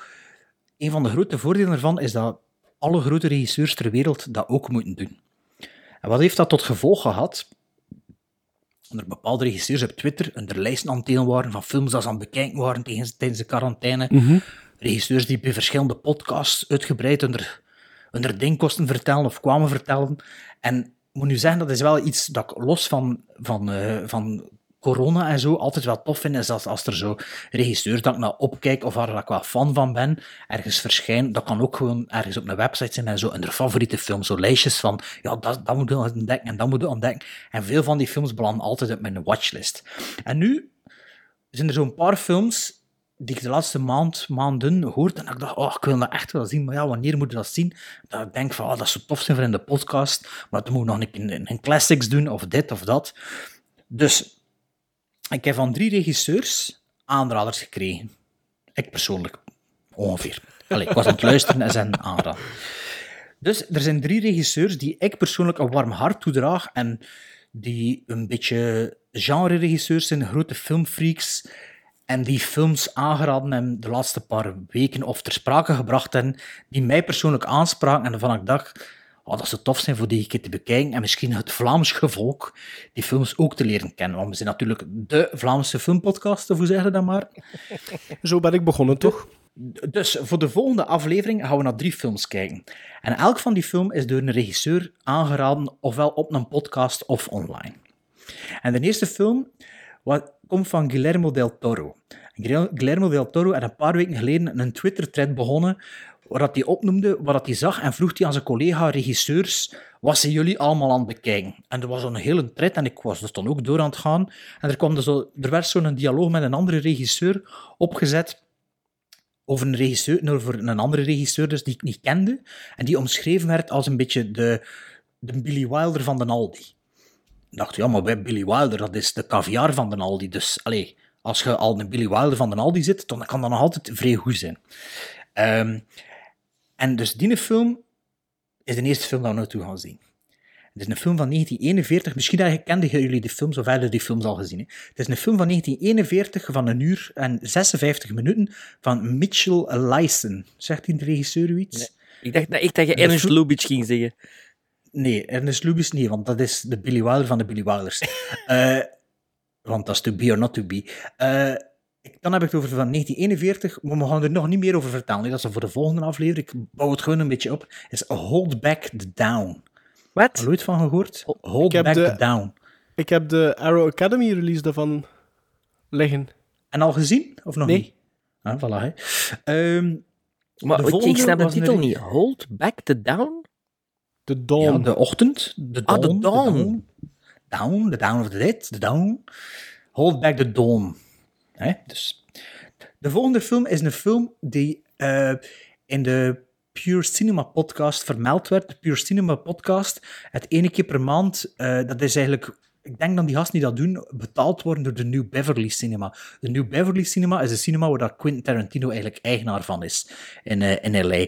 Die gasten van Pure Cinema, die hebben elke week een podcast, één keer per maand, dus de, de komende maand billing van de New Beverly. Maar deze keer was eh, Edgar Wright te gast. En Edgar Wright had het eh, ja, over films, de movies that made him, over, die had ook, was ook heel actief, of misschien nog altijd, zit nog altijd een beetje in quarantaine, op sociale media van films dat hij ja, aanraadde en ontdekt had en dit en dat. En er zat een film tussen die me ook enorm aansprak. Ik heb die ook direct op Blu-ray besteld. En ik dacht, ja, die moeten we met z'n allen samen ontdekken. Het is een film van 1958 van de regisseur van Dead Wish 4 en 10 to Midnight, Sven. Wow, J. Thompson. J. Lee Thompson. Een film van 2 uur en 10 minuten. En dan, hadden, dan heb ik het over Ice Cold in Alex. J. Lee Thompson is voor mij King Solomon's Mines, Alan Quatermain en The Lost City of Gold. Topper. Voilà. De derde regisseur die onze film aangeraden heeft, was eigenlijk juist, voor, denk juist voor de dinges, juist voor de quarantaine. Maar die was de gast op zijn eigen podcast, of toch de podcast dat hij betaalt, de Pure Cinema podcast ook, en dat is Quentin Tarantino. Het ging over de programmatie, want hij is eigenlijk de programmeur van de New Beverly. Het ging over de programmatie van de New Beverly en het is een film van 90 minuten van 1968. En ik zou zeggen, van deze film zoekt er absoluut niets over op. Ik heb een klein beetje gehoord en ik heb toen afgezet. Ik dacht, ah, ik wil dat zien. Ik wil niet meer weten dan wat er hier vermeld wordt. Want er zit ook volgens mij een interessant verhaal achter. Het is een film van 1968 van Peter Bogdanovich, waar dat we alle drie met een beetje lange tand de Last Picture Show van gezien hebben. Maar die ook wel nog andere Ik vond dat, films ik gedaan vond dat beste van, vindt. ik vond dat beste van jullie. Ja, ja. Het is een film van 1968 dus, en het had over Targets. Dus die drie Met films... John Cassavetes. Die drie films. Dat gaan we zien. Die drie films gaan we zien voor eh, de volgende aflevering. Dus het zal een beetje back, back, back, way back zijn. Maar eh, dus nee, de jaren 40, de jaren 50 en de jaren 60. Zo goed?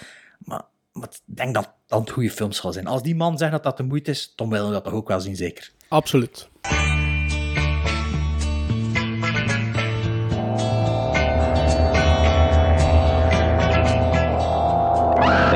To see something different, but something different saw them first. The hills. alive with the sound of music. Muzika. Het is precies lang geleden, hè, Muzika? Nee, Hans Zimmer hebben we nog eh, twee weken geleden gehad met Ja. Green Card. Twee weken afleveringen geleden dan. Ah ja, ja ik, ja, ik spreek in weken tegenwoordig. Inderdaad. Ja, luister. Ja, maar- Mannetjes, mannetjes, ik ben, ik ben niet aan het zien. Ik ben niet aan het terugzien met mijn dochter. Ehm, ik ben begonnen aan de, de Pink Panther-reeks terug. En eh, dat is fantastisch.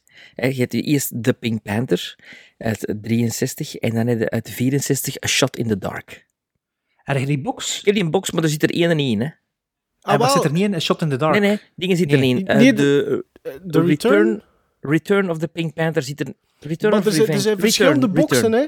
Ik, ik, ik, ik heb nog maar... Kijk, een week geleden heb ik eh, op eh, Amazon eh, wat films gekocht. En ik was echt van plan om die Peter Sellers Pink Panther box te bestellen. Maar je hebt enerzijds Ik heb aan de edities... Mediamarkt gekocht ooit zelfs. Maar je hebt enerzijds edities waar die A Shot in the Dark niet in zit. Ja. En je hebt dan edities waar dat die Return niet in zit. Wel, die return, als die er niet in zit, dat heeft te maken met, met licentie. Want die is ook gemokt, niet onder de licentie van al die andere films, maar ondertussen heeft Universal dat allemaal opgekocht en is er toch wel een Blu-ray waar dat ze allemaal in zitten. Nou. Ah, is het? Ja. Ja, ik mankeer niet. En ik denk zelfs A Shot in the Dark. Maar je hebt daar wel boxen ook, waar dat, want de Pink Panther, en dat spreek ik nog voor de Steve Martin films, hè, maar er zijn Pink Ja. Panther films waar dat Peter Sellers niet in meedoet, Daar spreken we niet over. hè. Er, zit, er is er één waar dat hem niet in meedoet. Omdat hij al dood Omdat hij al was. dood was. Allee, er is er één Ja. waar dat hem niet meedoet, hem al dood was, dat ze van archiefmateriaal Ja. hebben gebruikt. Ja, en dan is ja. er één met, met Ted Was en Roger Moore. In midden jaren 80 ja, of waar zo. dat hem helemaal niet meer in zit, waar ze op zoek kon naar hem. dat was... Oké. Ah nee, kijk, sorry, mag ze iets verder. Ik ken A Shot in the Dark, The Pink Panther, Revenge of the Pink Panther, The Pink Panther Strikes Again en The Trail Ja, of the dat Pink Panther. Dat, dat zit in mijn Dat is allemaal. Sellers. En je hebt ook The Ja. Curse of the Pink Panther, dat is zonder eh, Peter Ja. Sellers. Maar ehm The Return zit in sommige boxen niet in. Ah, in mijn Ja. box zit hij niet. Ik juist gezien. Ja. Ja. Maar ik ben dus nu eh iets in volgorde aan het zien. Je hebt de Pink Panther en dan, en dan daarna A Shot in the Dark. Want A Shot in the Dark is ook drie maanden na de release van de Pink Panthers eh, beginnen filmen. We was er oorspronkelijk vooral waar dat Clouseau zelfs niet in zat. Dat was een scenario dat geschreven was, maar omdat het personage van Clouseau in de Pink Panther zo populair was, wat eigenlijk maar de second banana is daar, hebben ze er dus een eigen film om gegeven. Maar wat mij vooral opviel, buiten het ongelooflijk talent van Peter Sellers en de, de genialiteit van Blake Edwards en die combinatie van die twee, dat is dat er nog... Heb hij alle Pink Panthers gedaan? Blake Blake Edwards heeft Ja, alle? Pink Panthers gedaan. Ja. Alleen met Peter Sellers. Ja. Ja. En ook met dingen, met Roberto Benigni. Ook. Ah, die ja, ook, de. Son of the Pink Panther. Dus, maar buiten die twee, heb je zo een beetje het Sergio Leone eh, eh, effect. Eastwood. Ja, en de componist. Henry Mancini. Ah, ja. Henry Mancini is ontegensprekelijk een van de grote factoren waarom dat, dat allemaal zo goed marcheert. Die comedy die Blake Edwards vertaalt door Peter Sellers, maar die muziek van Henry Mancini is ongelooflijk. En dan heb ik het niet over het overbekende... Tadam, tadam, Ah, tadam. Ik dacht dat hij ging zeggen, en ik had nu zelf op mijn saxofoon Nee, spelen. nee. Dat dat, dat ging zeggen. Nee. Want iedereen kent natuurlijk de Pink Panther team. Maar wat blijkt in zowel de Pink Panther als in A Shot in the Dark, je ziet een ongelooflijk knappe muziek. Echt 60s muziek. Echt zo'n muziek die je perfect bij een film uit de 60s kunt. Michael Caine. Ja, echt zo dat soort muziek. En Mancini Ja. is er een carrière. Mancini had ook veel films gedaan, hè, waar, Niet waar normaal. Michael Caine in speelt. Ja. Maar ja, dan Michael Caine. No, maar Mancini gewoon, dat is, dat is abnormaal. Niet alleen... Ipcress File en zo ook zeker? Ja, alleen, ik bedoel, du- duizend bekend. Dat is, Ja. dat, is, dat is te veel om op te noemen. Niet alleen dat, die heeft ook heel veel hits gehad. Dus liedjes, à la Burt Bacharach. Ook zo, echt zo van die Mm, songs. Ja. Maar er is één thema dat ik dus nu wil laten horen uit de Pink Panthers, dat een beetje altijd vergeten wordt. eh, omdat iedereen denkt aan het echte thema van de Pink Panther. Maar dit muziekje is echt een muziekje dat ademt comedy uit, dat ademt jaren 60 uit en dat ademt Peter Sellers uit.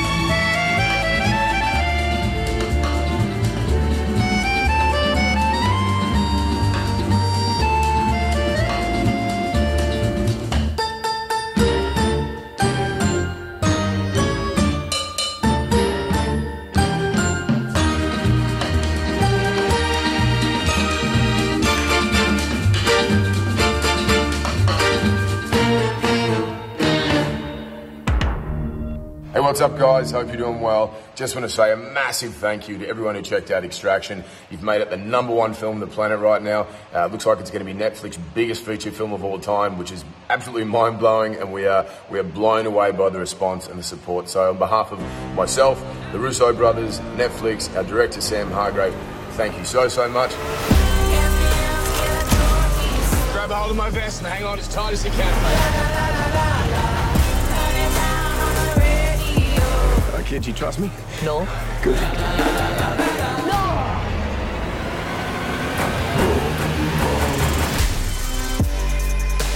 Are you always this brave? I'm not brave. You rescue people? Sometimes.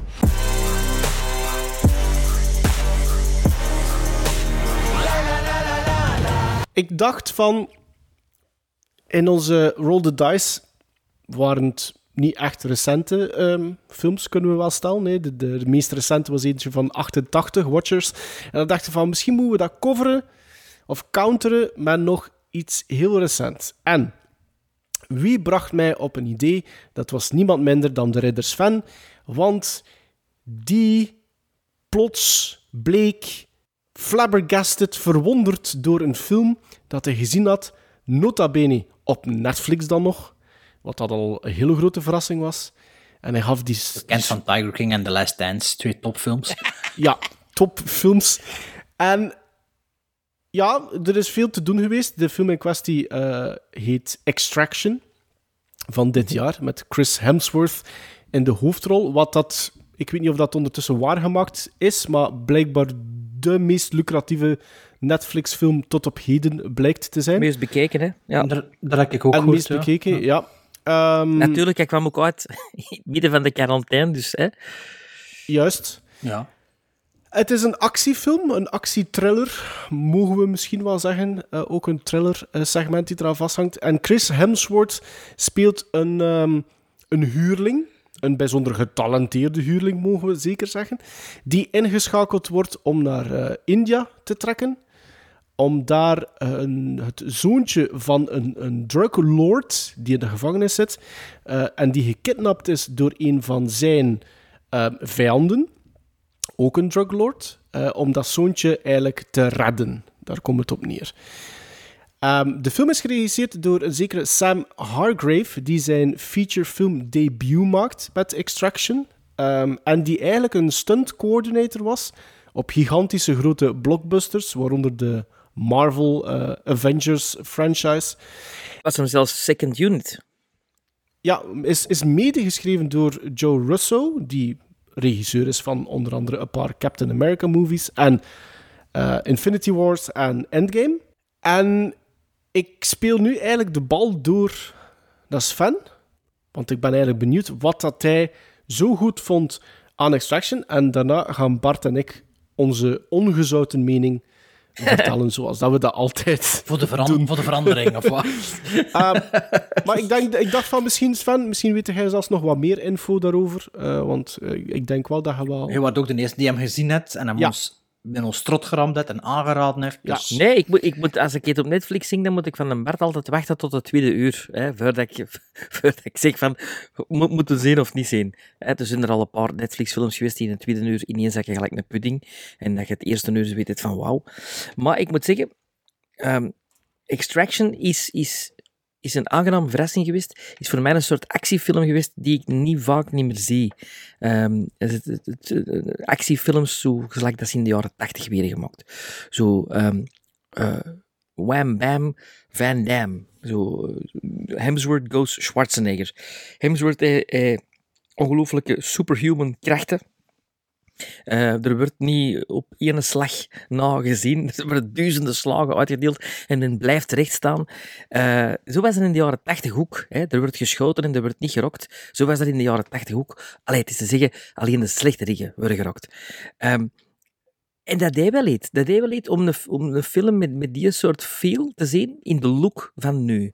En eh, in het camerawerk van nu. Er zit bijvoorbeeld een scène, in, in, ongeveer in het midden van de film in, die mind-blowing is. Ik vind dat fantastisch.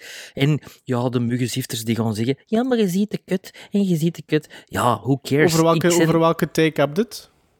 Ik heb het, ja, over de... de- Met de camion, hè, ja. ja, dat Oh ze ja, maar in, dat mag in ook- dat mag gezegd worden, in. hè, ja. Ja, Ja, dat, is, dat, is een, dat, is, dat, is, dat is ongelooflijk. Er wordt actie, gevecht, geschoten in een gebouw, uit een gebouw. Dat moet, allee, productioneel moet dat waanzin geweest zijn om zoiets te repeteren en zoiets te filmen. Bart schudt natuurlijk van nee, maar ik wil, ik wil, ik wil dat ook niet weten hoe dat, dat gemokt wordt. Ik zit er als kijker in te zien en ik zeg van wauw, wauw, wauw, fantastisch.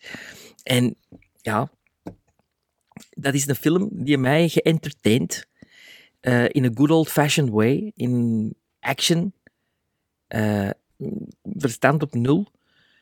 En toch wel in een, in een setting die mij heel hard deed denken aan, aan de film Hotel Mumbai. Zo, zo, dat soort setting. eh, ehm, straten en, en dorpen en zo. Heel benauwd. Ehm, ja, Slumdog, Slumdog Millionaire. Zo, iets waar je niet direct zo'n soort films, zo'n soort actiefilms dan insitueert. En dat is, vind ik, eh, ja, heel goed geslaagd, naar mijn mening. Ja, ehm, ik zal ik anders zeggen wat ik ervan vond. Na uw eh, eh, ja, raving eh, review tegen ons op Letterboxd, ehm, op ehm, WhatsApp. Ja, ook op Letterboxd. Ik had ook ja, maar gezegd zeg, van, maar, zeg, maar eerst, zeg maar eerst op Letterboxd, wat was uw quoteringsfan? Zeven. Allee, op Letterboxd 3,5, dus zeven gizmos. Zeven gizmos, ja. Wel, eh, dus ik dacht, ik had gezegd tegen Sven, ja jong, met u, het is al de vierde Netflix-film op een week dat u mij aanraadt. Als er nog wat meer volk mij aanraadt, zal ik wel een keer zien. Maar ja, dat, ik zag toch zoveel mensen die dat me ook al bekeken hadden op Letterboxd. En dacht dat ik zal ook gezien, dat kunnen we misschien in de podcast bespreken. En Maarten had de bal opgepikt en was, was mee. Ehm, eh, ja, Sven, je zegt fris, nog nooit gezien, eh, uniek. Dat heb ik niet Eh, gezegd, hè? Dat heb ik allemaal niet gezegd. Nee, nee. Eh, Om dat nu opnieuw te zien. Hè. Dat soort films wordt nu niet zo vaak meer gemaakt, vind ik. Ik moet zeggen, bijna alles dat ik in die film gezien heb, heb ik de laatste vijf jaar ergens anders al gezien. Ik vind zelfs de beeldvoering eigenlijk al een beetje gedateerd en de color grading al helemaal. Ehm je hebt de, de Raid, moest ik superveel aan denken. Ja, maar dat is geen, dat is geen film voor een groot publiek, hè? Nee, maar ik heb die wel gezien en dat is ook waar het uit de mosterd gaat. John Wick natuurlijk ook, eh Ong Bak, omdat het dan een beetje in die setting ook zit. Sorry, dat, ik- sorry, sorry dat ik onderbreek, sorry dat ik onderbreek, maar de, al- voor mensen die van dat genre houden, ongeacht welk continent dat ze zitten, was The Raid, Sven, sorry dat ik... Allee, Nee, dat nee, nee je, kunt de raid toch niet ver- je kunt de raid toch niet vergelijken met een Schwarzenegger-film. Qua, qua, ja, maar qua, ik, qua, ver- qua ik groot vergelijk publiek. Extraction ook niet met een, met een Ik Schwarzenegger wel, want dat is dat, qua, qua, qua bereikbaarheid van het publiek. Oh jawel, het is de meest bekeken Netflix-film. Ja, het heeft wel een groter bereik dan de Raid, maar ik waar ik aan het babbelen. Hè. Eh, dus ja, die Gunfu en ja, ik, dat, dat was al iets dat ik dacht van, ja, en hij was zo raven, hij zei al, ja, beter dan The Children of Man, one take shot en dit en dat. Maar het grote verschil, wat ik al direct zag in die scène, is de beeldvoering in Children of Man van die twee one-take shots scènes eigenlijk. Eh, Die ene met die auto die dat wegrijdt, de andere op het einde. Is dat de, de beeldvoering in alle twee die films... Oké, ja, ik had gezegd, het is allemaal in één take. Het zitten één of twee cuts zijn verborgen wel. Veel subtieler dan, ik als muggenzifter, veel, veel subtieler dan in Extraction. Maar de beeldvoering is ook emo- emotional driven in Children of Men. Je ziet shot op, op dien, omdat het op dat moment als kijker moet voelen wat het personage voelt. Ehm, je, ziet, je ziet dit in een long shot, je ziet dat daar gebeuren waar. in Children of Men. En in Extraction was dat gewoon, ja, dat was capteren wat er gebeurt. Dat is toch Op geen op- Dat is toch knop op nul zetten en action en... Ja, nee, maar voor mij, wat er mijn, ik heb dat waarschijnlijk al meermaals ook in de podcast gezet, wat dat mij heel hard kan storen in een film, is dat je voelt dat met de computer aan elkaar hangt en dat er beelden zijn, dat fysiek, als dat camerabeelden zijn, dat je niet fysiek kunt doen, haal mij dat enorm uit een Jawel, ik heb dat niet gevoeld. Dat, en wel, als je zo het gevoel hebt dat je nogthans, dan een video... Ja, als je, als je dat, het gevoel hebt dat, je- dat de videogame cutscene, zoals ze noemen, eigenlijk, tussen een Final Fantasy, zo van die ding, een, een camera die ik weet niet wat allemaal doet, voor mij voelt dat enorm ja, fake aan. Want dat is misschien ook door mijn, door mijn technische know-how. Ik weet het niet, dat, wel, dat klinkt misschien. Beroepsmisvorming, jawel. Ja, misschien beroepsmisvorming. Maar dat, dat allemaal in de film. En zeker als dan de beeldvoering, ja, zo, ja, zo action-driven is, dan, ja, dan marcheert ze goed niet voor mij. Terwijl als, je- als je dan de raid ziet en je ziet gewoon een lang aangehouden shot en je ziet die choreografie, dat werkt voor mij veel, veel beter. En dat is dan ook action-driven beeldvoering.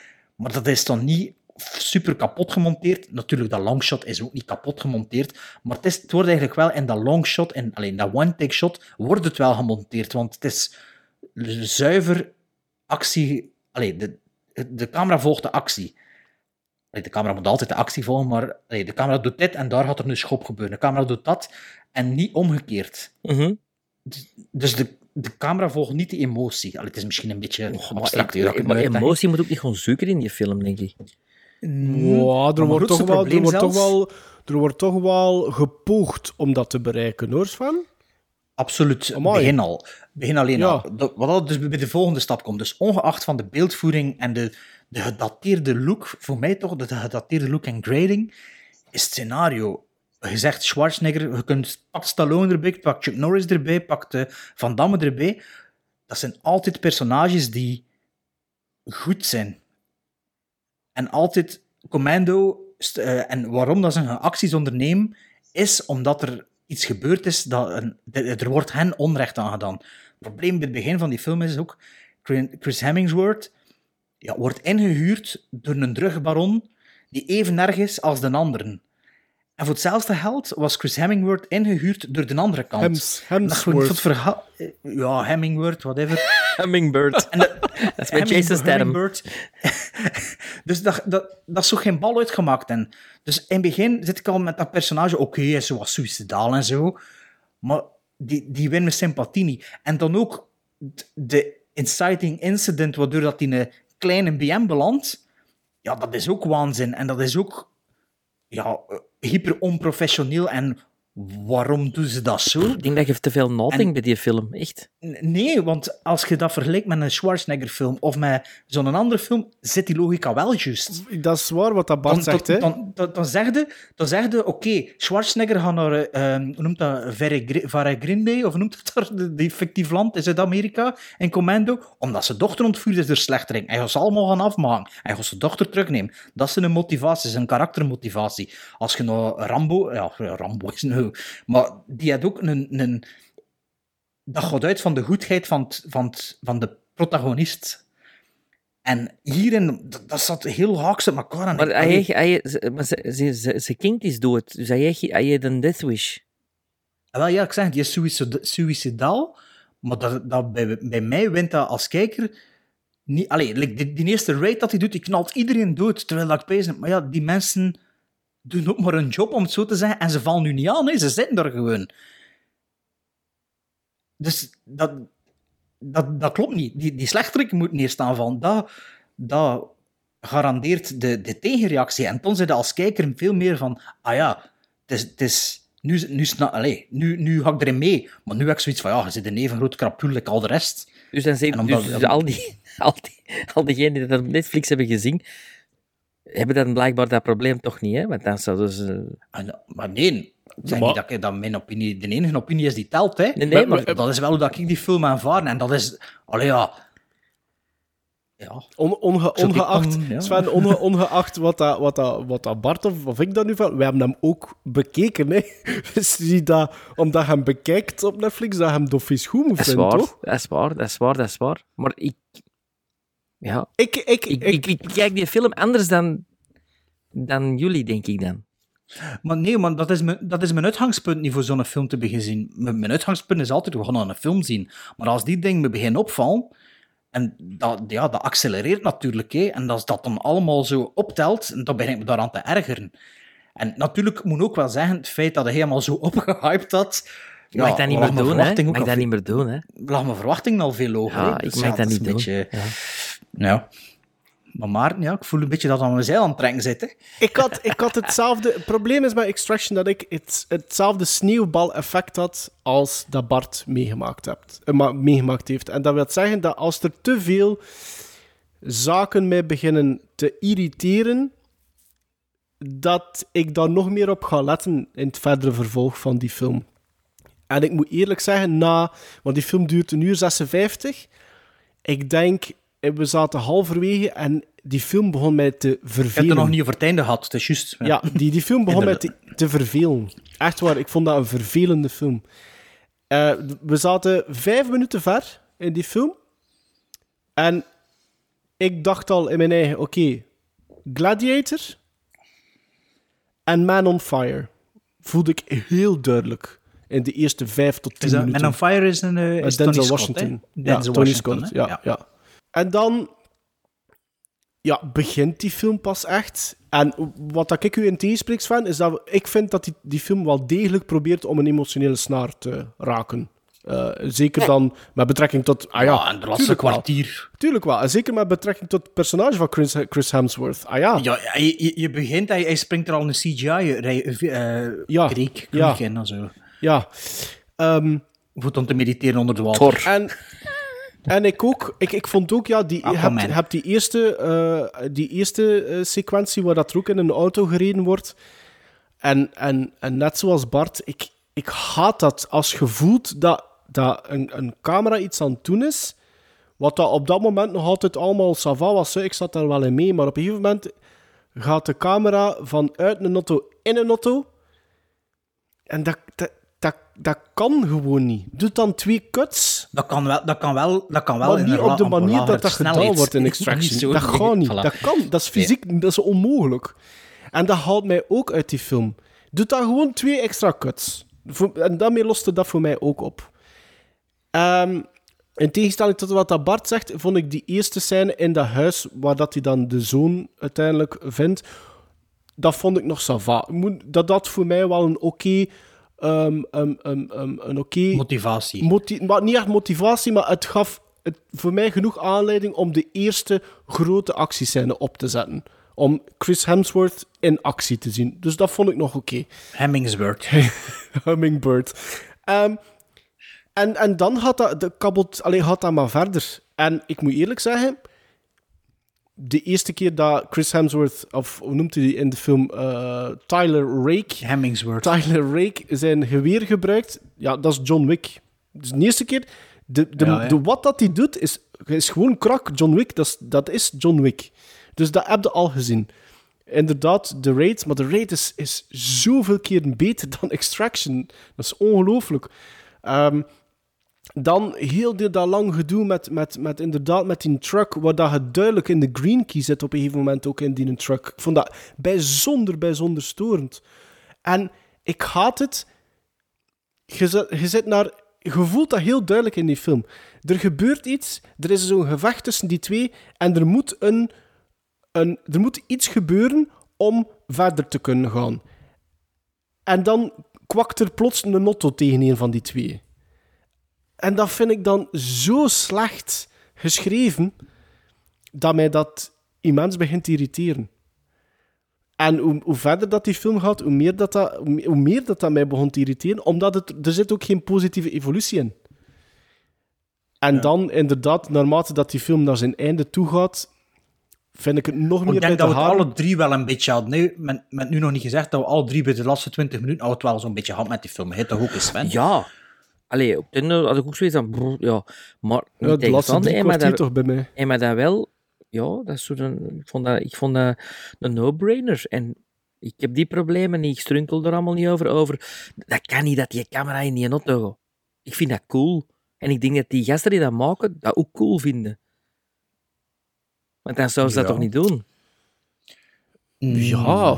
Nee, maar misschien denken ze ook dat een scenario sterk genoeg... Let op, dus er zijn van die, van die zaken die bij mij ook wel passeren als scenario sterk genoeg is. Hè. Gelijk- Als ze bij mij en in mijn verhaal, Allee, Sven, dan lukt dat. Hè, maar... Als je kijkt hoe...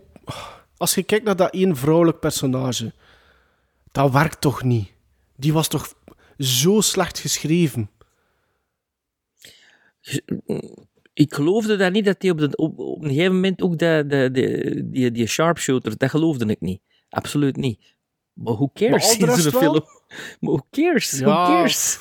Well, who cares? Ja, maar het is waar, het is een waar je zegt, iets, hè? Sven. Het, het- het is een, het is een dunne lijn, hè. ik weet het, het is een dunne lijn, maar ja, voor mij werkte dat ook niet. Allee, pff, Ik kon, niet. ik kon ook voor niemand rooten.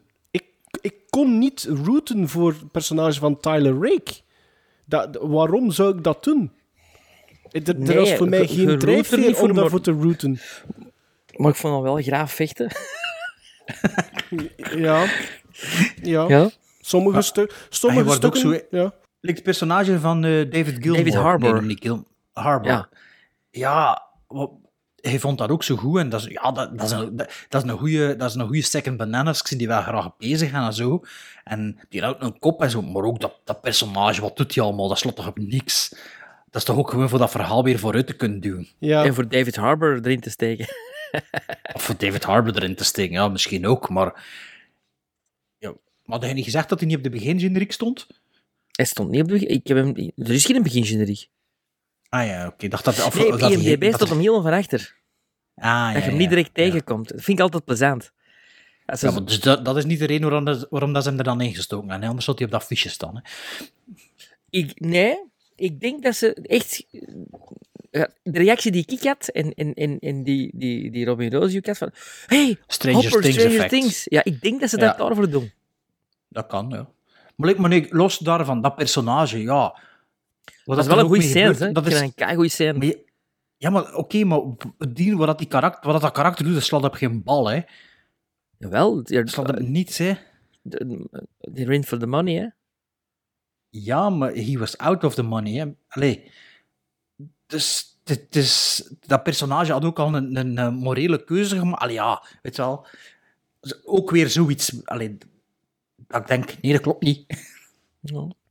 En dan op het einde, zo, dan op het dat, dat, dat dienen de General, dat vond ik ook zo zwak. De General gaat dan plots ook een keer iets doen. En dan blijkt dat dat een heel bepalend iets te zijn. En ik, ik, dat, ja, nee, dat gaat er bij mij niet meer over. Oh, oh, ik heb het ook... Ik vind ook dat op een ik gegeven bepaalde, be- bepaalde momenten die film ook geen moeite meer doet. Gelijk bijvoorbeeld... Nee, absoluut niet. Ehm, laatste 20 minuten. Uh, uh, wat dat er allemaal bijvoorbeeld op die brug gebeurt, ehm, dan zie je dan, ja, dan moet, moet de, de, de, let's call them the good guys dan, uh, hun baan maken doorheen veel soldaten die ook maar eigenlijk gewoon hun job door aan het doen zijn, of politieagenten of echte soldaten. Maar je ziet ook, dat zijn, dat zijn gewoon mensen, precies die ze van de straat geplukt hebben, die, die ze stoppen in, in, in kostuums, in legerpakken die drie maanden te groot zijn, die daar gewoon niks moeten doen en gewoon neervallen. En, en dat, dat draagt allemaal bij dat dat voor mij veel te...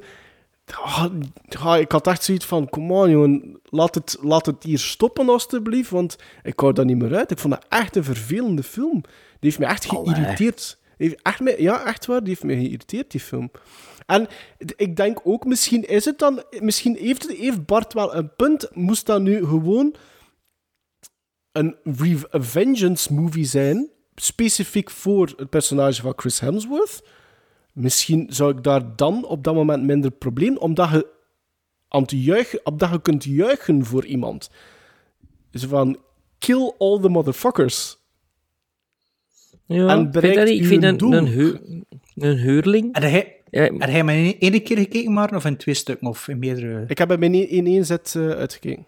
Ja, ik ken hem in twee Ik ook in zitten. twee zitten. En ik denk dat dat misschien wel niet zo slecht was, dat ik dat in twee keer gezien heb. Want eh, ik denk dat hij nog negatiever zit dan ik, eigenlijk.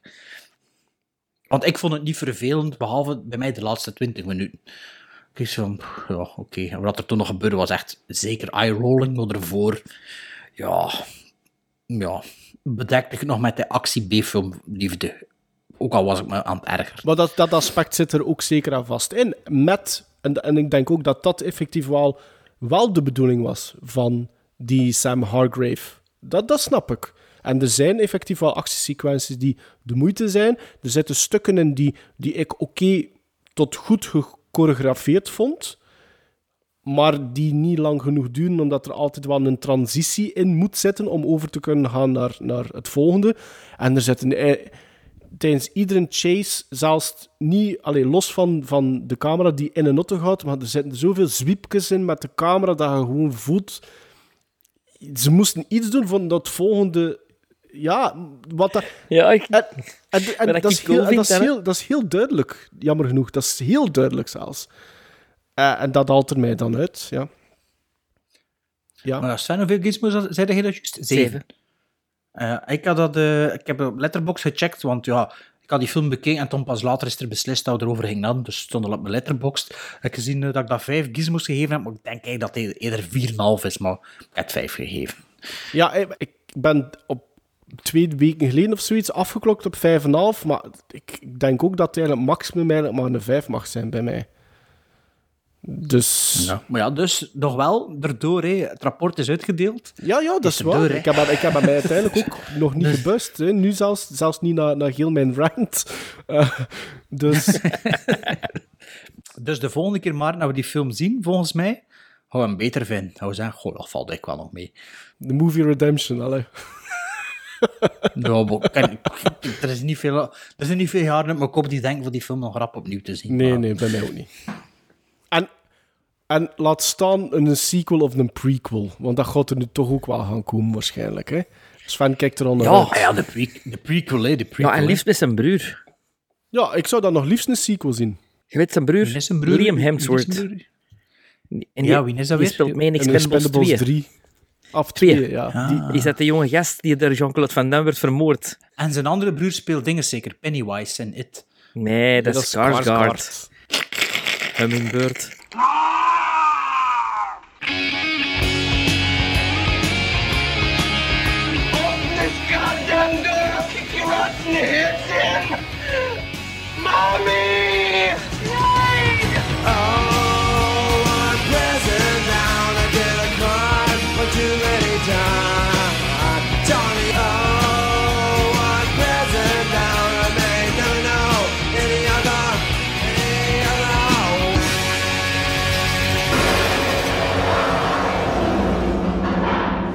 Prison Bound. We kiezen alle drie een film waarvan we van vinden dat hij uit het gevangen moet. En waarom zit hij in het gevangen? Omdat er een verdeelde mening is over die film.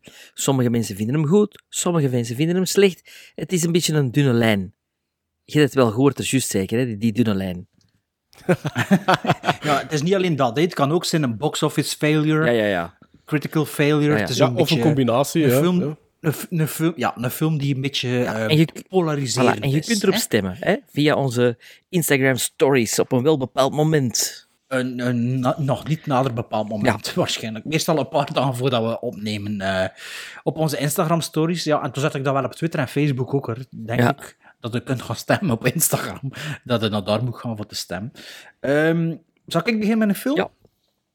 Het is een film eh, dat al heel lang op mijn shortlist stond. stond zodanig lang zelf al dat ik eigenlijk moest opzoeken op Letterboxd of dat ik hem al niet besproken had.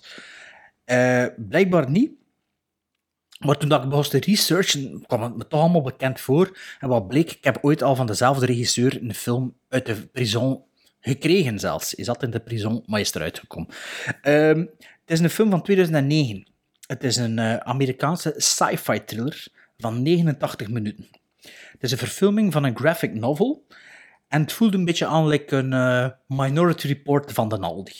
Minority Report, een grote vergeten film van de jaren, ik weet niet welk jaar dat was, Eh, een paar afleveringen geleden.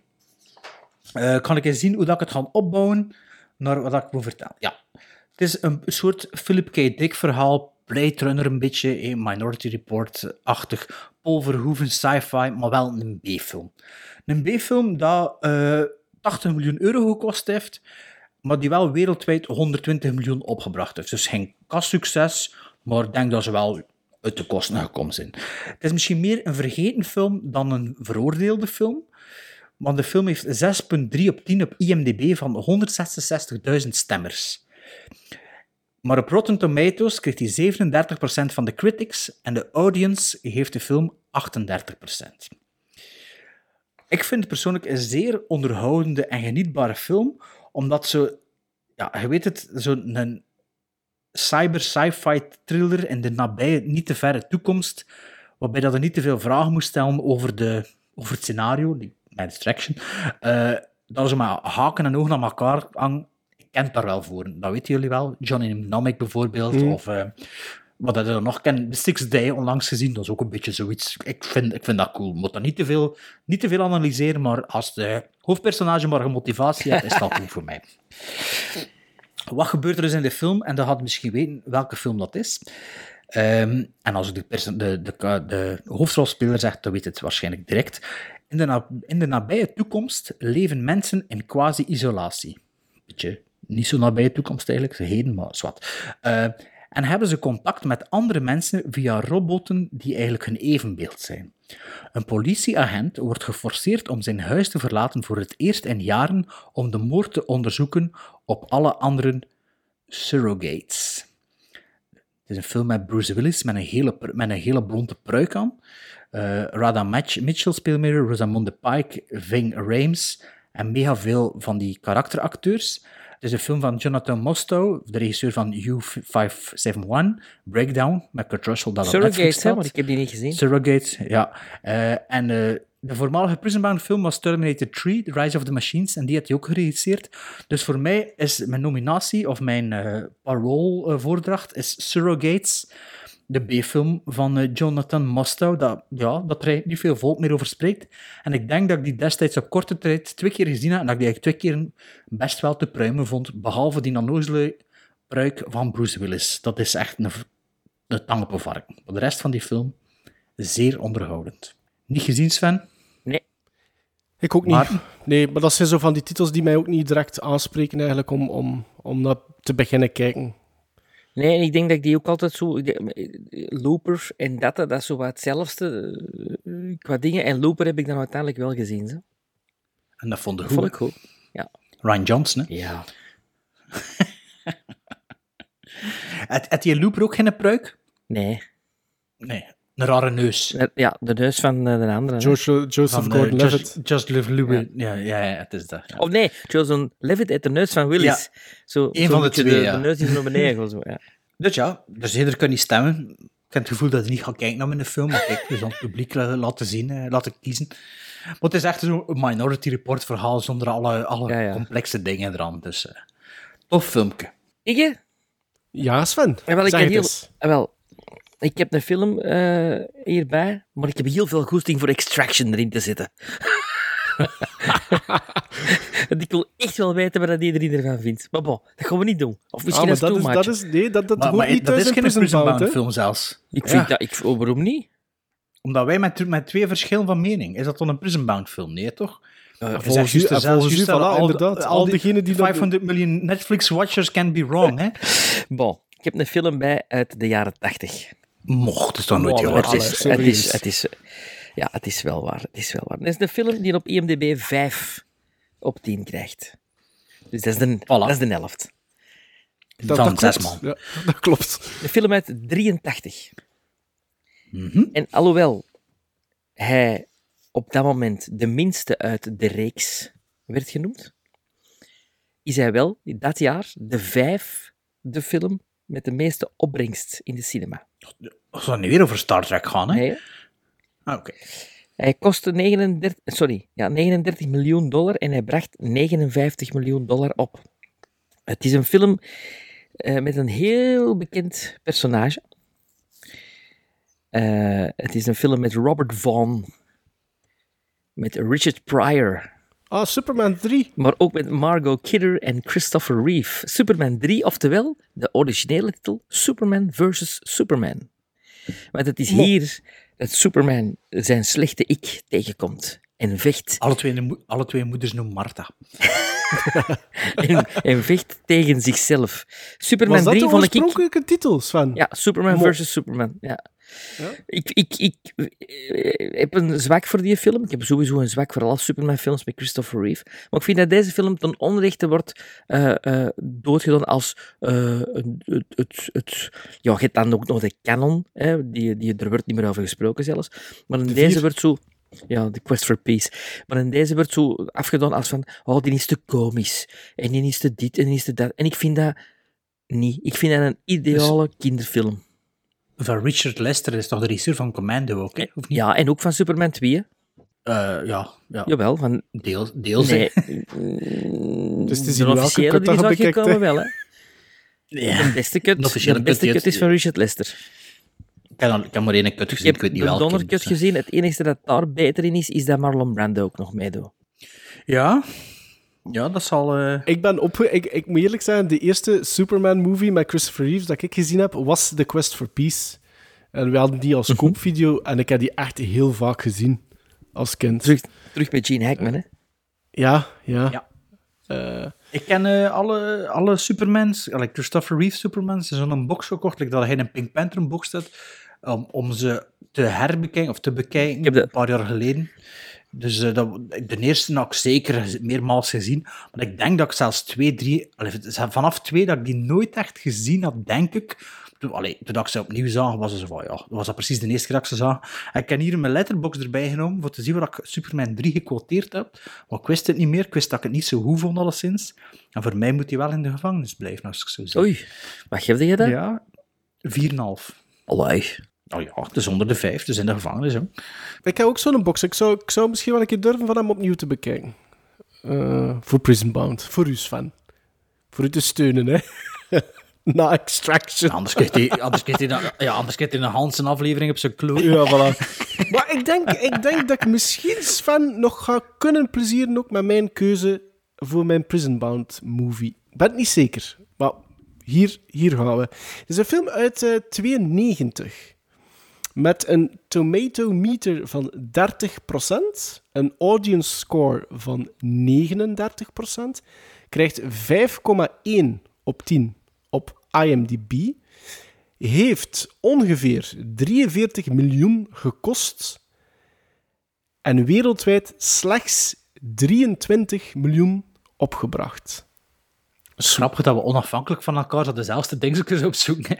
hè. Ja, maar het is, past wel bij Prison Bound wel, die dingetjes natuurlijk. Hè. Ja, ja, maar allee, dat is niet dat we dat afgesproken hebben, maar we hebben echt al zo dezelfde dingen opgezocht. Ja, ja, ja. ja. Het is een, ehm, een film van Barry Levinson uit 92 met Robin Williams Toys. in de Ah. hoofdrol. Toys, inderdaad. Toys. Toys, een film. Pas op, Toys, een film die ik vooral kende uit mijn kindertijd. Waarvan dat ik alleen maar de. ah, Het, het speelgoed eigenlijk herkende. Nee, het speelgoed van dat in de film eh, komt ehm, herkende. Want de film gaat over een, een beroemde toymaker die sterft.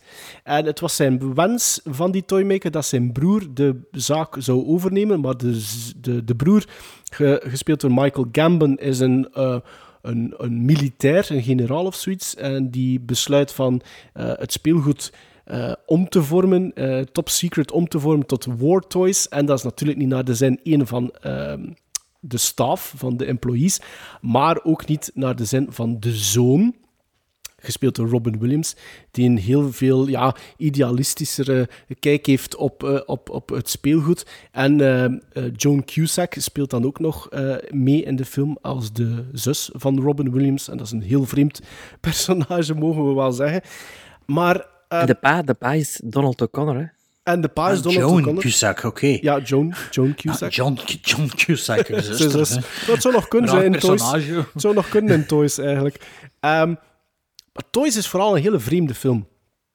Visueel heel vreemd. Met momenten vind ik dat een Tim Burton film, maar in kleur. Ehm, het weet niet goed of dat het creepy wil zijn of net niet. Dat is toch het gevoel dat ik krijg als ik naar Toys keek. Beetje Roald Dahl, vind ik. Een beetje Roald Dahl misschien, ja, ook. Willy Wonka. Maar ik vond dat, ik vond dat redelijk... In zijn absurditeit vond ik dat redelijk onderhoudend tot het laatste half uur. Ehm, wat dat eigenlijk vreemd is, want in het laatste half uur worden alle registers opengetrokken, komt, komt het speelgoed echt, treedt het in werking en kunnen zien wat dat allemaal doet. En verschrikkelijk veel explosies. En ik vond dat eigenlijk net het minste van heel die film, dat laatste half uur. Dat begon mij, na vijf minuten staat mij dat al tegen. Het is Precies vooral... Extraction. Ja, precies, Extraction. Maar het is vooral dat... dat het, het, het is zo'n... een extraction van de Bart Smit. Van de Bart Smit. Maar het is zo'n absurde film, Toys, dat het net daardoor de moeite is. Ik denk dat ik hem op Letterboxd misschien een 6 gescoord heb. Dus ik, ben er niet dat ik daar raving over ben. Maar dat is een film die verschrikkelijk veel backlash gehad heeft. Die ja, een absolute box-office failure was. Die Barry Levinson geen goed heeft gedaan ook. Nee, zeker niet. Maar ik vind niet dat hij in de gevangenis moet zitten, Toys. Maar ik vraag mij wel af Eh. hoeveel van onze luisteraars die film al effectief gaan gezien hebben. Want dat is denk ik wel ook een Sven- vergeten film. Sven, heb je hem gezien? Ik heb hem op Laserdisc. En uit de gevangenis? Ja. Precies. Ja. Ik, ik ken Toys nooit gezien. Er zit geen ene maar- film met Robin Williams in de gevangenis. Popeye. Nee, Ehm? Nee. Ik, ik ken ehm, Toys heb ik nooit gezien, maar Toys, ik ben me wel bewust van toen dat die film uitgekomen was. Want voordat ik into, into muziek was, pakte op mijn 12 jaar en into films al heel mijn leven, maar voordat ik echt films, dat dat mijn ding werd, vanaf een jaar of 9, 10 tot 12, 13 was ik mega into videogames. En ik Ja. kocht superveel magazines. En Toys had ook een release gekregen volgens mij op Super Nintendo. Juist, juist. En, en, en heel veel films van die periode, van die korte periode, ken ik eigenlijk van het videogame magazines. En zo, de eerste keer dat ik ooit Freddy Krueger zag, ja, misschien wel in de videotheek, maar dat ik wist dat er iets ging uitkomen ervan, was New, A New Nightmare. Eh, Wes, Craven New, Wes Craven's New Nightmare. En dat kwam ook uit zo'n eh, ja, zo Nintendo Power of zo, eh, pff, weet ik niet, al die boekjes dat te noemen. Dat waren ook Engelstalige boekjes. Ik kost eigenlijk nog geen Engels, maar ja, ik bladerde daar heel de tijd in. En, eh, en dan New Nightmare was al van- 98, hè, dus dan worden hij toch al... Ah, wacht even, als hij zo in de tv-studio zit. Want ik weet nog dat, dat, dat ik dat aan het lezen was eh, in bed, allee, in de logeerbed bij mijn grootmoeder. Dus ik word echt, allee, Ah, New Nightmare is 94, sorry, dus zou wel kunnen, inderdaad. ziet, ja, Ja. 13, 13. Ziet, je, dus tot die periode was ik zo heavy- heavily into zo ja, vi- videogames allemaal. Maar ik had er zelf geen, allee, ik had er een Game Boy, maar ik, ik las daar alles over dat ik kon, omdat dat, ja, omdat dat interesseerde natuurlijk. Mhm, mhm. Maar dus zo ken ik Toys. En ja, nog wat van die films die zo vooral bekend zijn, van, die dan een, license dan op Nintendo of Sega of zoiets. En, eh, maar nooit, eh, nooit gecheckt eigenlijk. En ja, het moet zijn, dat spreekt nog altijd niet dat aan. is zo niet meer, hè? Zo die films die dan allemaal videogames, dat, dat, is, dat is niet zo, vind ik. Ik denk dat ook een goed videogame ontwikkelen ook veel te lang duurt voor dat goed te doen tegenwoordig. Als je zo ziet, een eh, Red Dead Redemption 2, daar is ze vier, jaar, vijf, zes jaar aan gewerkt. Vroeger, vroeger, ze vroeger deden ze dat in drie en- maanden of zoiets, hè. Als, als, er, als er echt een, Voilà, de, de, de druk achter zat, kijk, kijk ook wat dat er zelf van geworden is. Veel van die games hadden ook Voilà. niks te maken met, de- met de films niet meer, hè. Ja, of trokken op geen bal mee. En de goede, de goede filmgames, dat waren eigenlijk de games die in de, in de arcades terechtkwamen, omdat ze veel meer tijd hadden voor te ontwikkelen. Terminator 2 Ja, op Super Nintendo of, Game Boy, dat sukte. Maar ja, natuurlijk, ja, dat was, dat was, Ja, maar nee, dat is, niet, dat is ja, een goed voorbeeld. Dat is ja. omgekeerd, hè. Ja. Maar Ter- Terminator 2 had, had een Game Boy release en dat was super complex. Dat eerste level, dat ging zo niet. Maar Terminator 2 in, de, in het Luna Park In de was met een metraillet. En Ja, dat was mega cool. De max. En omdat ze veel meer, veel meer tijd hadden voor dat spel te ontwikkelen, en omdat er ook een, volgens mij ook een veel langere leeftijdsduur had dan... Zo, ja, het moment dat die film uitkomt, de game verkopen en achter twee maanden is het gepasseerd. En in het Luna Park blijven ze er natuurlijk geld in steken. Ja. Denk ik. Dat is een eh, goede segue. Oei, naar wat? Ah, wel? Gremlin Strike Back, de videogame. Ja, we hebben een app ontwikkeld, eh, samen met eh, In The Pocket en Gent. eh een ene segue naar waar, Sven? Nee, nee, nee. Ik vond, ik vond dat een goede, een goede, een goede zij, een Ah. zijnoot, zal ik het zeggen. Ah, een zijn, Zijnoot. sidebar, ja.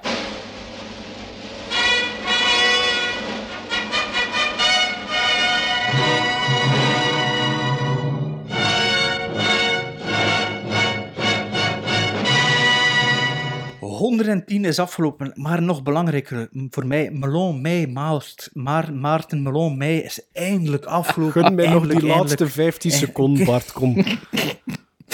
Nee, maar nee, de, de reden waarom dat ik blij ben aan het afgelopen is, is eigenlijk omdat ik al uitkijk naar de drie films die we gaan zien voor de volgende aflevering.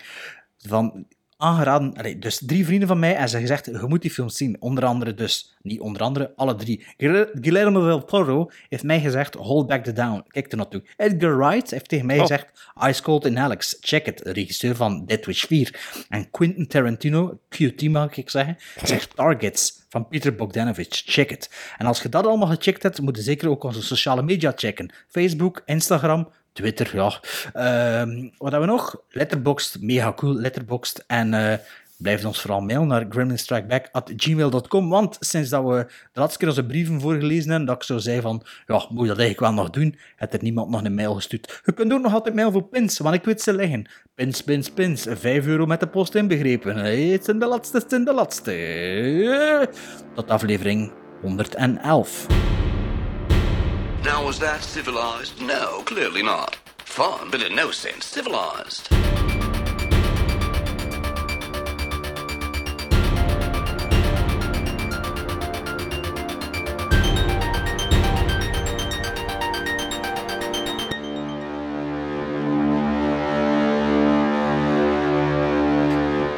Ian, Ian, Ian. It's a sign. Ja, ik zag het hier ook staan, man. Er misschien iets anders mee moeten doen.